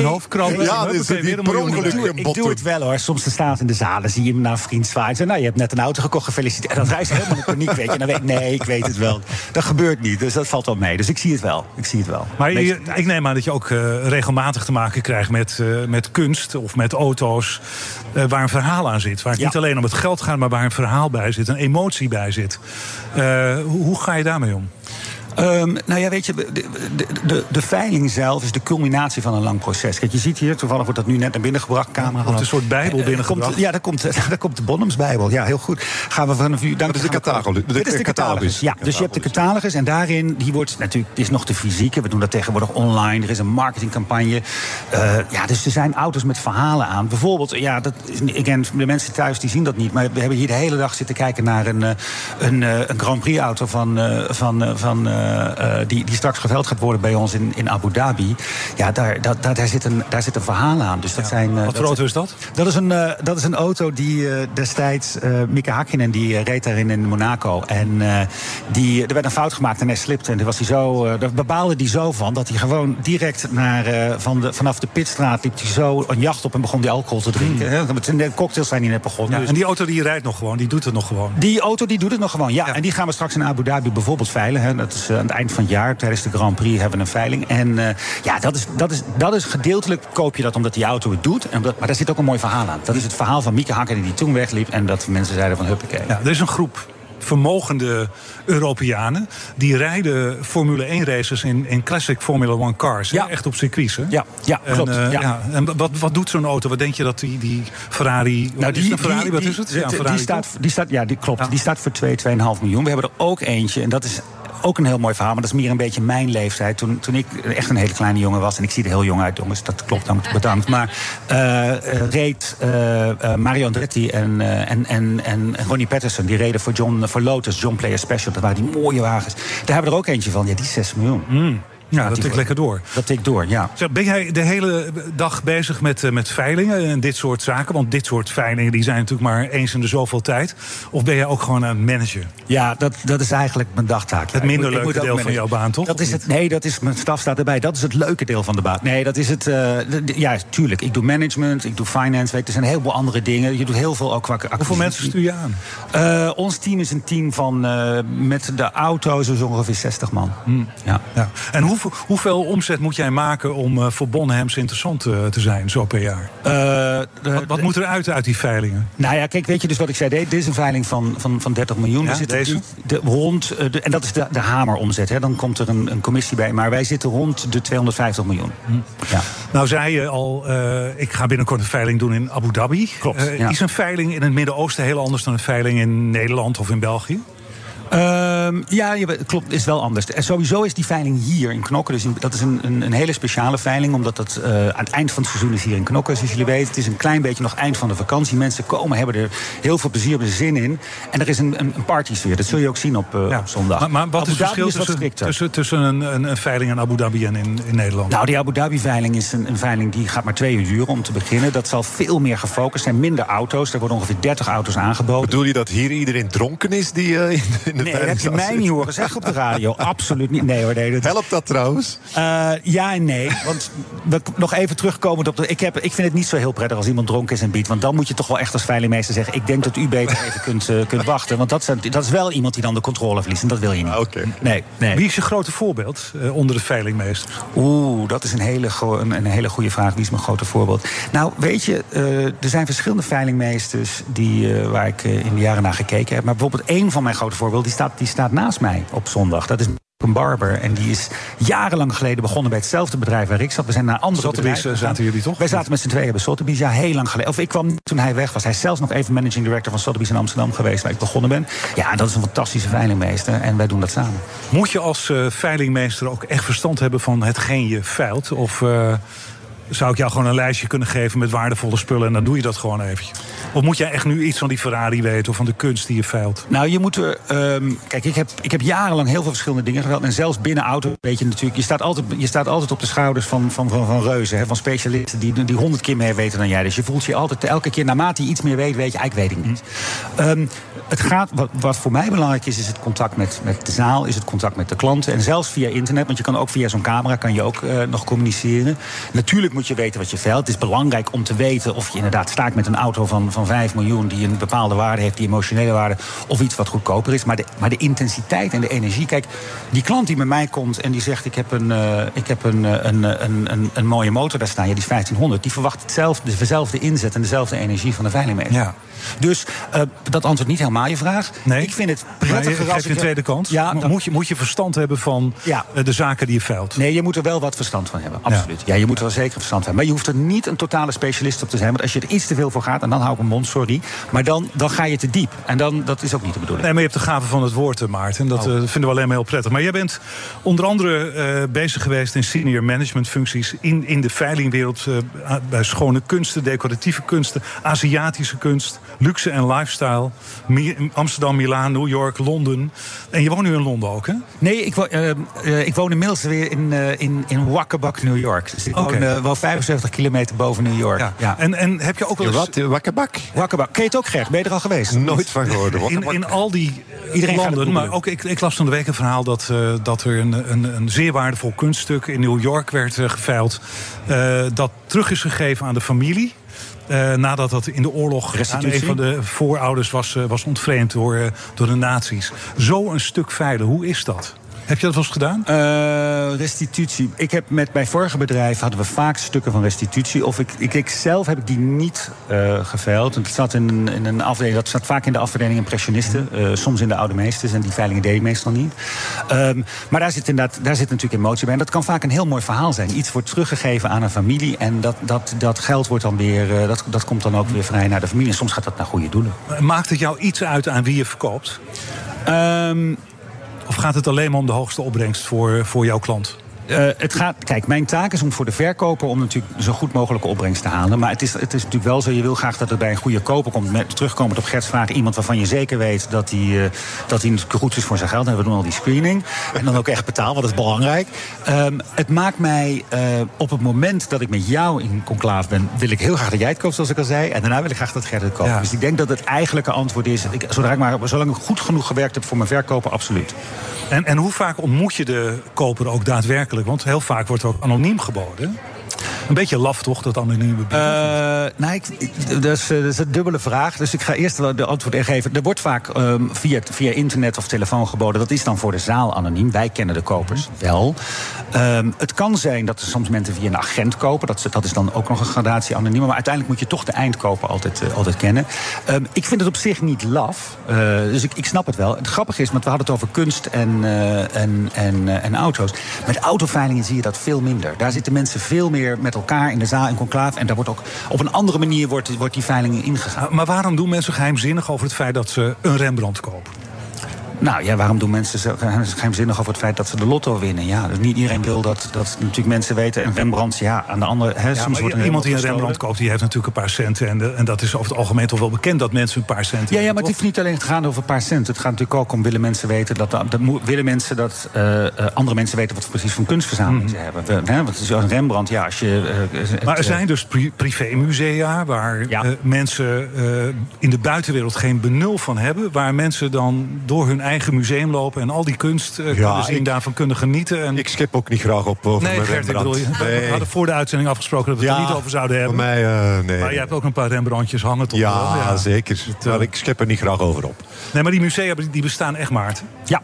Hm. Nee, tuurlijk. Je hebt mensen met een fantastische privécollecties. En je hebt trouwens mensen die privécollecties wel weer delen. Hè? Dus, dus op een gegeven moment de deuren openzetten voor. Maar ben jij wel eens in zo'n museum geweest? Uh, ik ben bij mensen thuis geweest. Ja. een mooie musea. Ja. ja. En, en, en dan is zo'n hele huis hangt vol met ik, unieke, ja. waardevolle kunst. In mijn tijd dat ik in New York zat, dan gebeurde dat wel eens. Dan, werd, dan kwam je met een aantal grote klanten en dan stelde een echtpaar hun, die, die trokken hun deuren open. En dan keek je, liep je van de, van de ene impressionist naar de andere, naar een Picasso, whatever. Ik, had een, ik heb een paar jaar geleden een, een tv-documentaire gezien over mensen die privé-eigenaar waren van een Rembrandt. En daar zat een meneer bij die had een Schots kasteel met een open haard en daar hing de Rembrandt boven. Ja. Dat is niet zo'n goed idee. Hè? Nee, hè? Dat nou, is... Als je de open haard uithoudt, dan ja. ben je alvast een stuk beter. Ja, dat is het. Ja, ja, ik net zeggen. Ja, maar kom je dat soort situaties ook tegen? Uh, ik heb ooit een keer een veiling heel lang geleden gedaan in, eh, in Frankrijk. En dat was, een, eh, dat was voor een meneer die was inmiddels overleden. Eh, en die, eh, ja, die, had een, die had een kasteeltje, dat was helemaal ingericht. Onder andere werkte die veel samen met Le Courvoisier.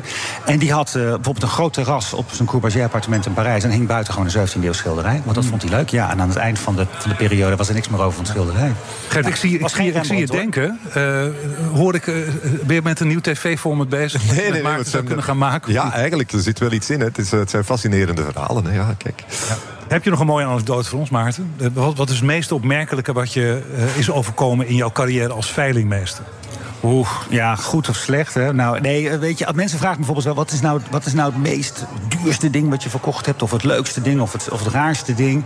Ja, een van de dingen, dit is een tijd geleden... maar dat, heb ik, dat, is, dat zou ik nu nooit meer doen... maar dat toen blijkbaar nog wel voor. Ik heb ooit een mummie verkocht bijvoorbeeld. Ja, dat is natuurlijk, ja, gaat niet goed aflopen met mij. zijn hè. heel ingewikkelde veilingen. Dat is een hele ingewikkelde... Heel, Gert. Ja. Ja. nee, dus eh, nee, maar eh, leuke dingen. Ja, er gebeurt, er gebeurt van alles op en rond die veiling. Maar ook vaak, wat ik al zei, in de aanloop. Soms zijn we gewoon maanden bezig met een veiling. Je komt bijvoorbeeld bij de mensen over de vloer. En, Ja, want dan moet je soms mensen er ook van overtuigen dat het goed zou zijn om mee te doen aan die veiling? Ja, want, want ze willen natuurlijk in een, in een omgeving zitten die een bepaalde klasse uitstraalt. Als jij een heel waardevol schilderij wil je niet de enige zijn die Nee, dat eh, klopt. tussen een aantal Nee, dus mindere je- goden. Nee, nee, nee, absoluut. Dus je, nou ja, kijk, je wil natuurlijk niet tussen een. Je wil natuurlijk in een goede omgeving zitten, maar je wil ook in een omgeving zitten waar jouw stuk uit, waar jouw stuk echt natuurlijk extra uitstraling heeft. Ja. Maar om bijvoorbeeld e- heel even terug, dus bijvoorbeeld hierin, dat is een goede vraag, maar dan breng ik het even terug naar de, naar de auto's. Hè.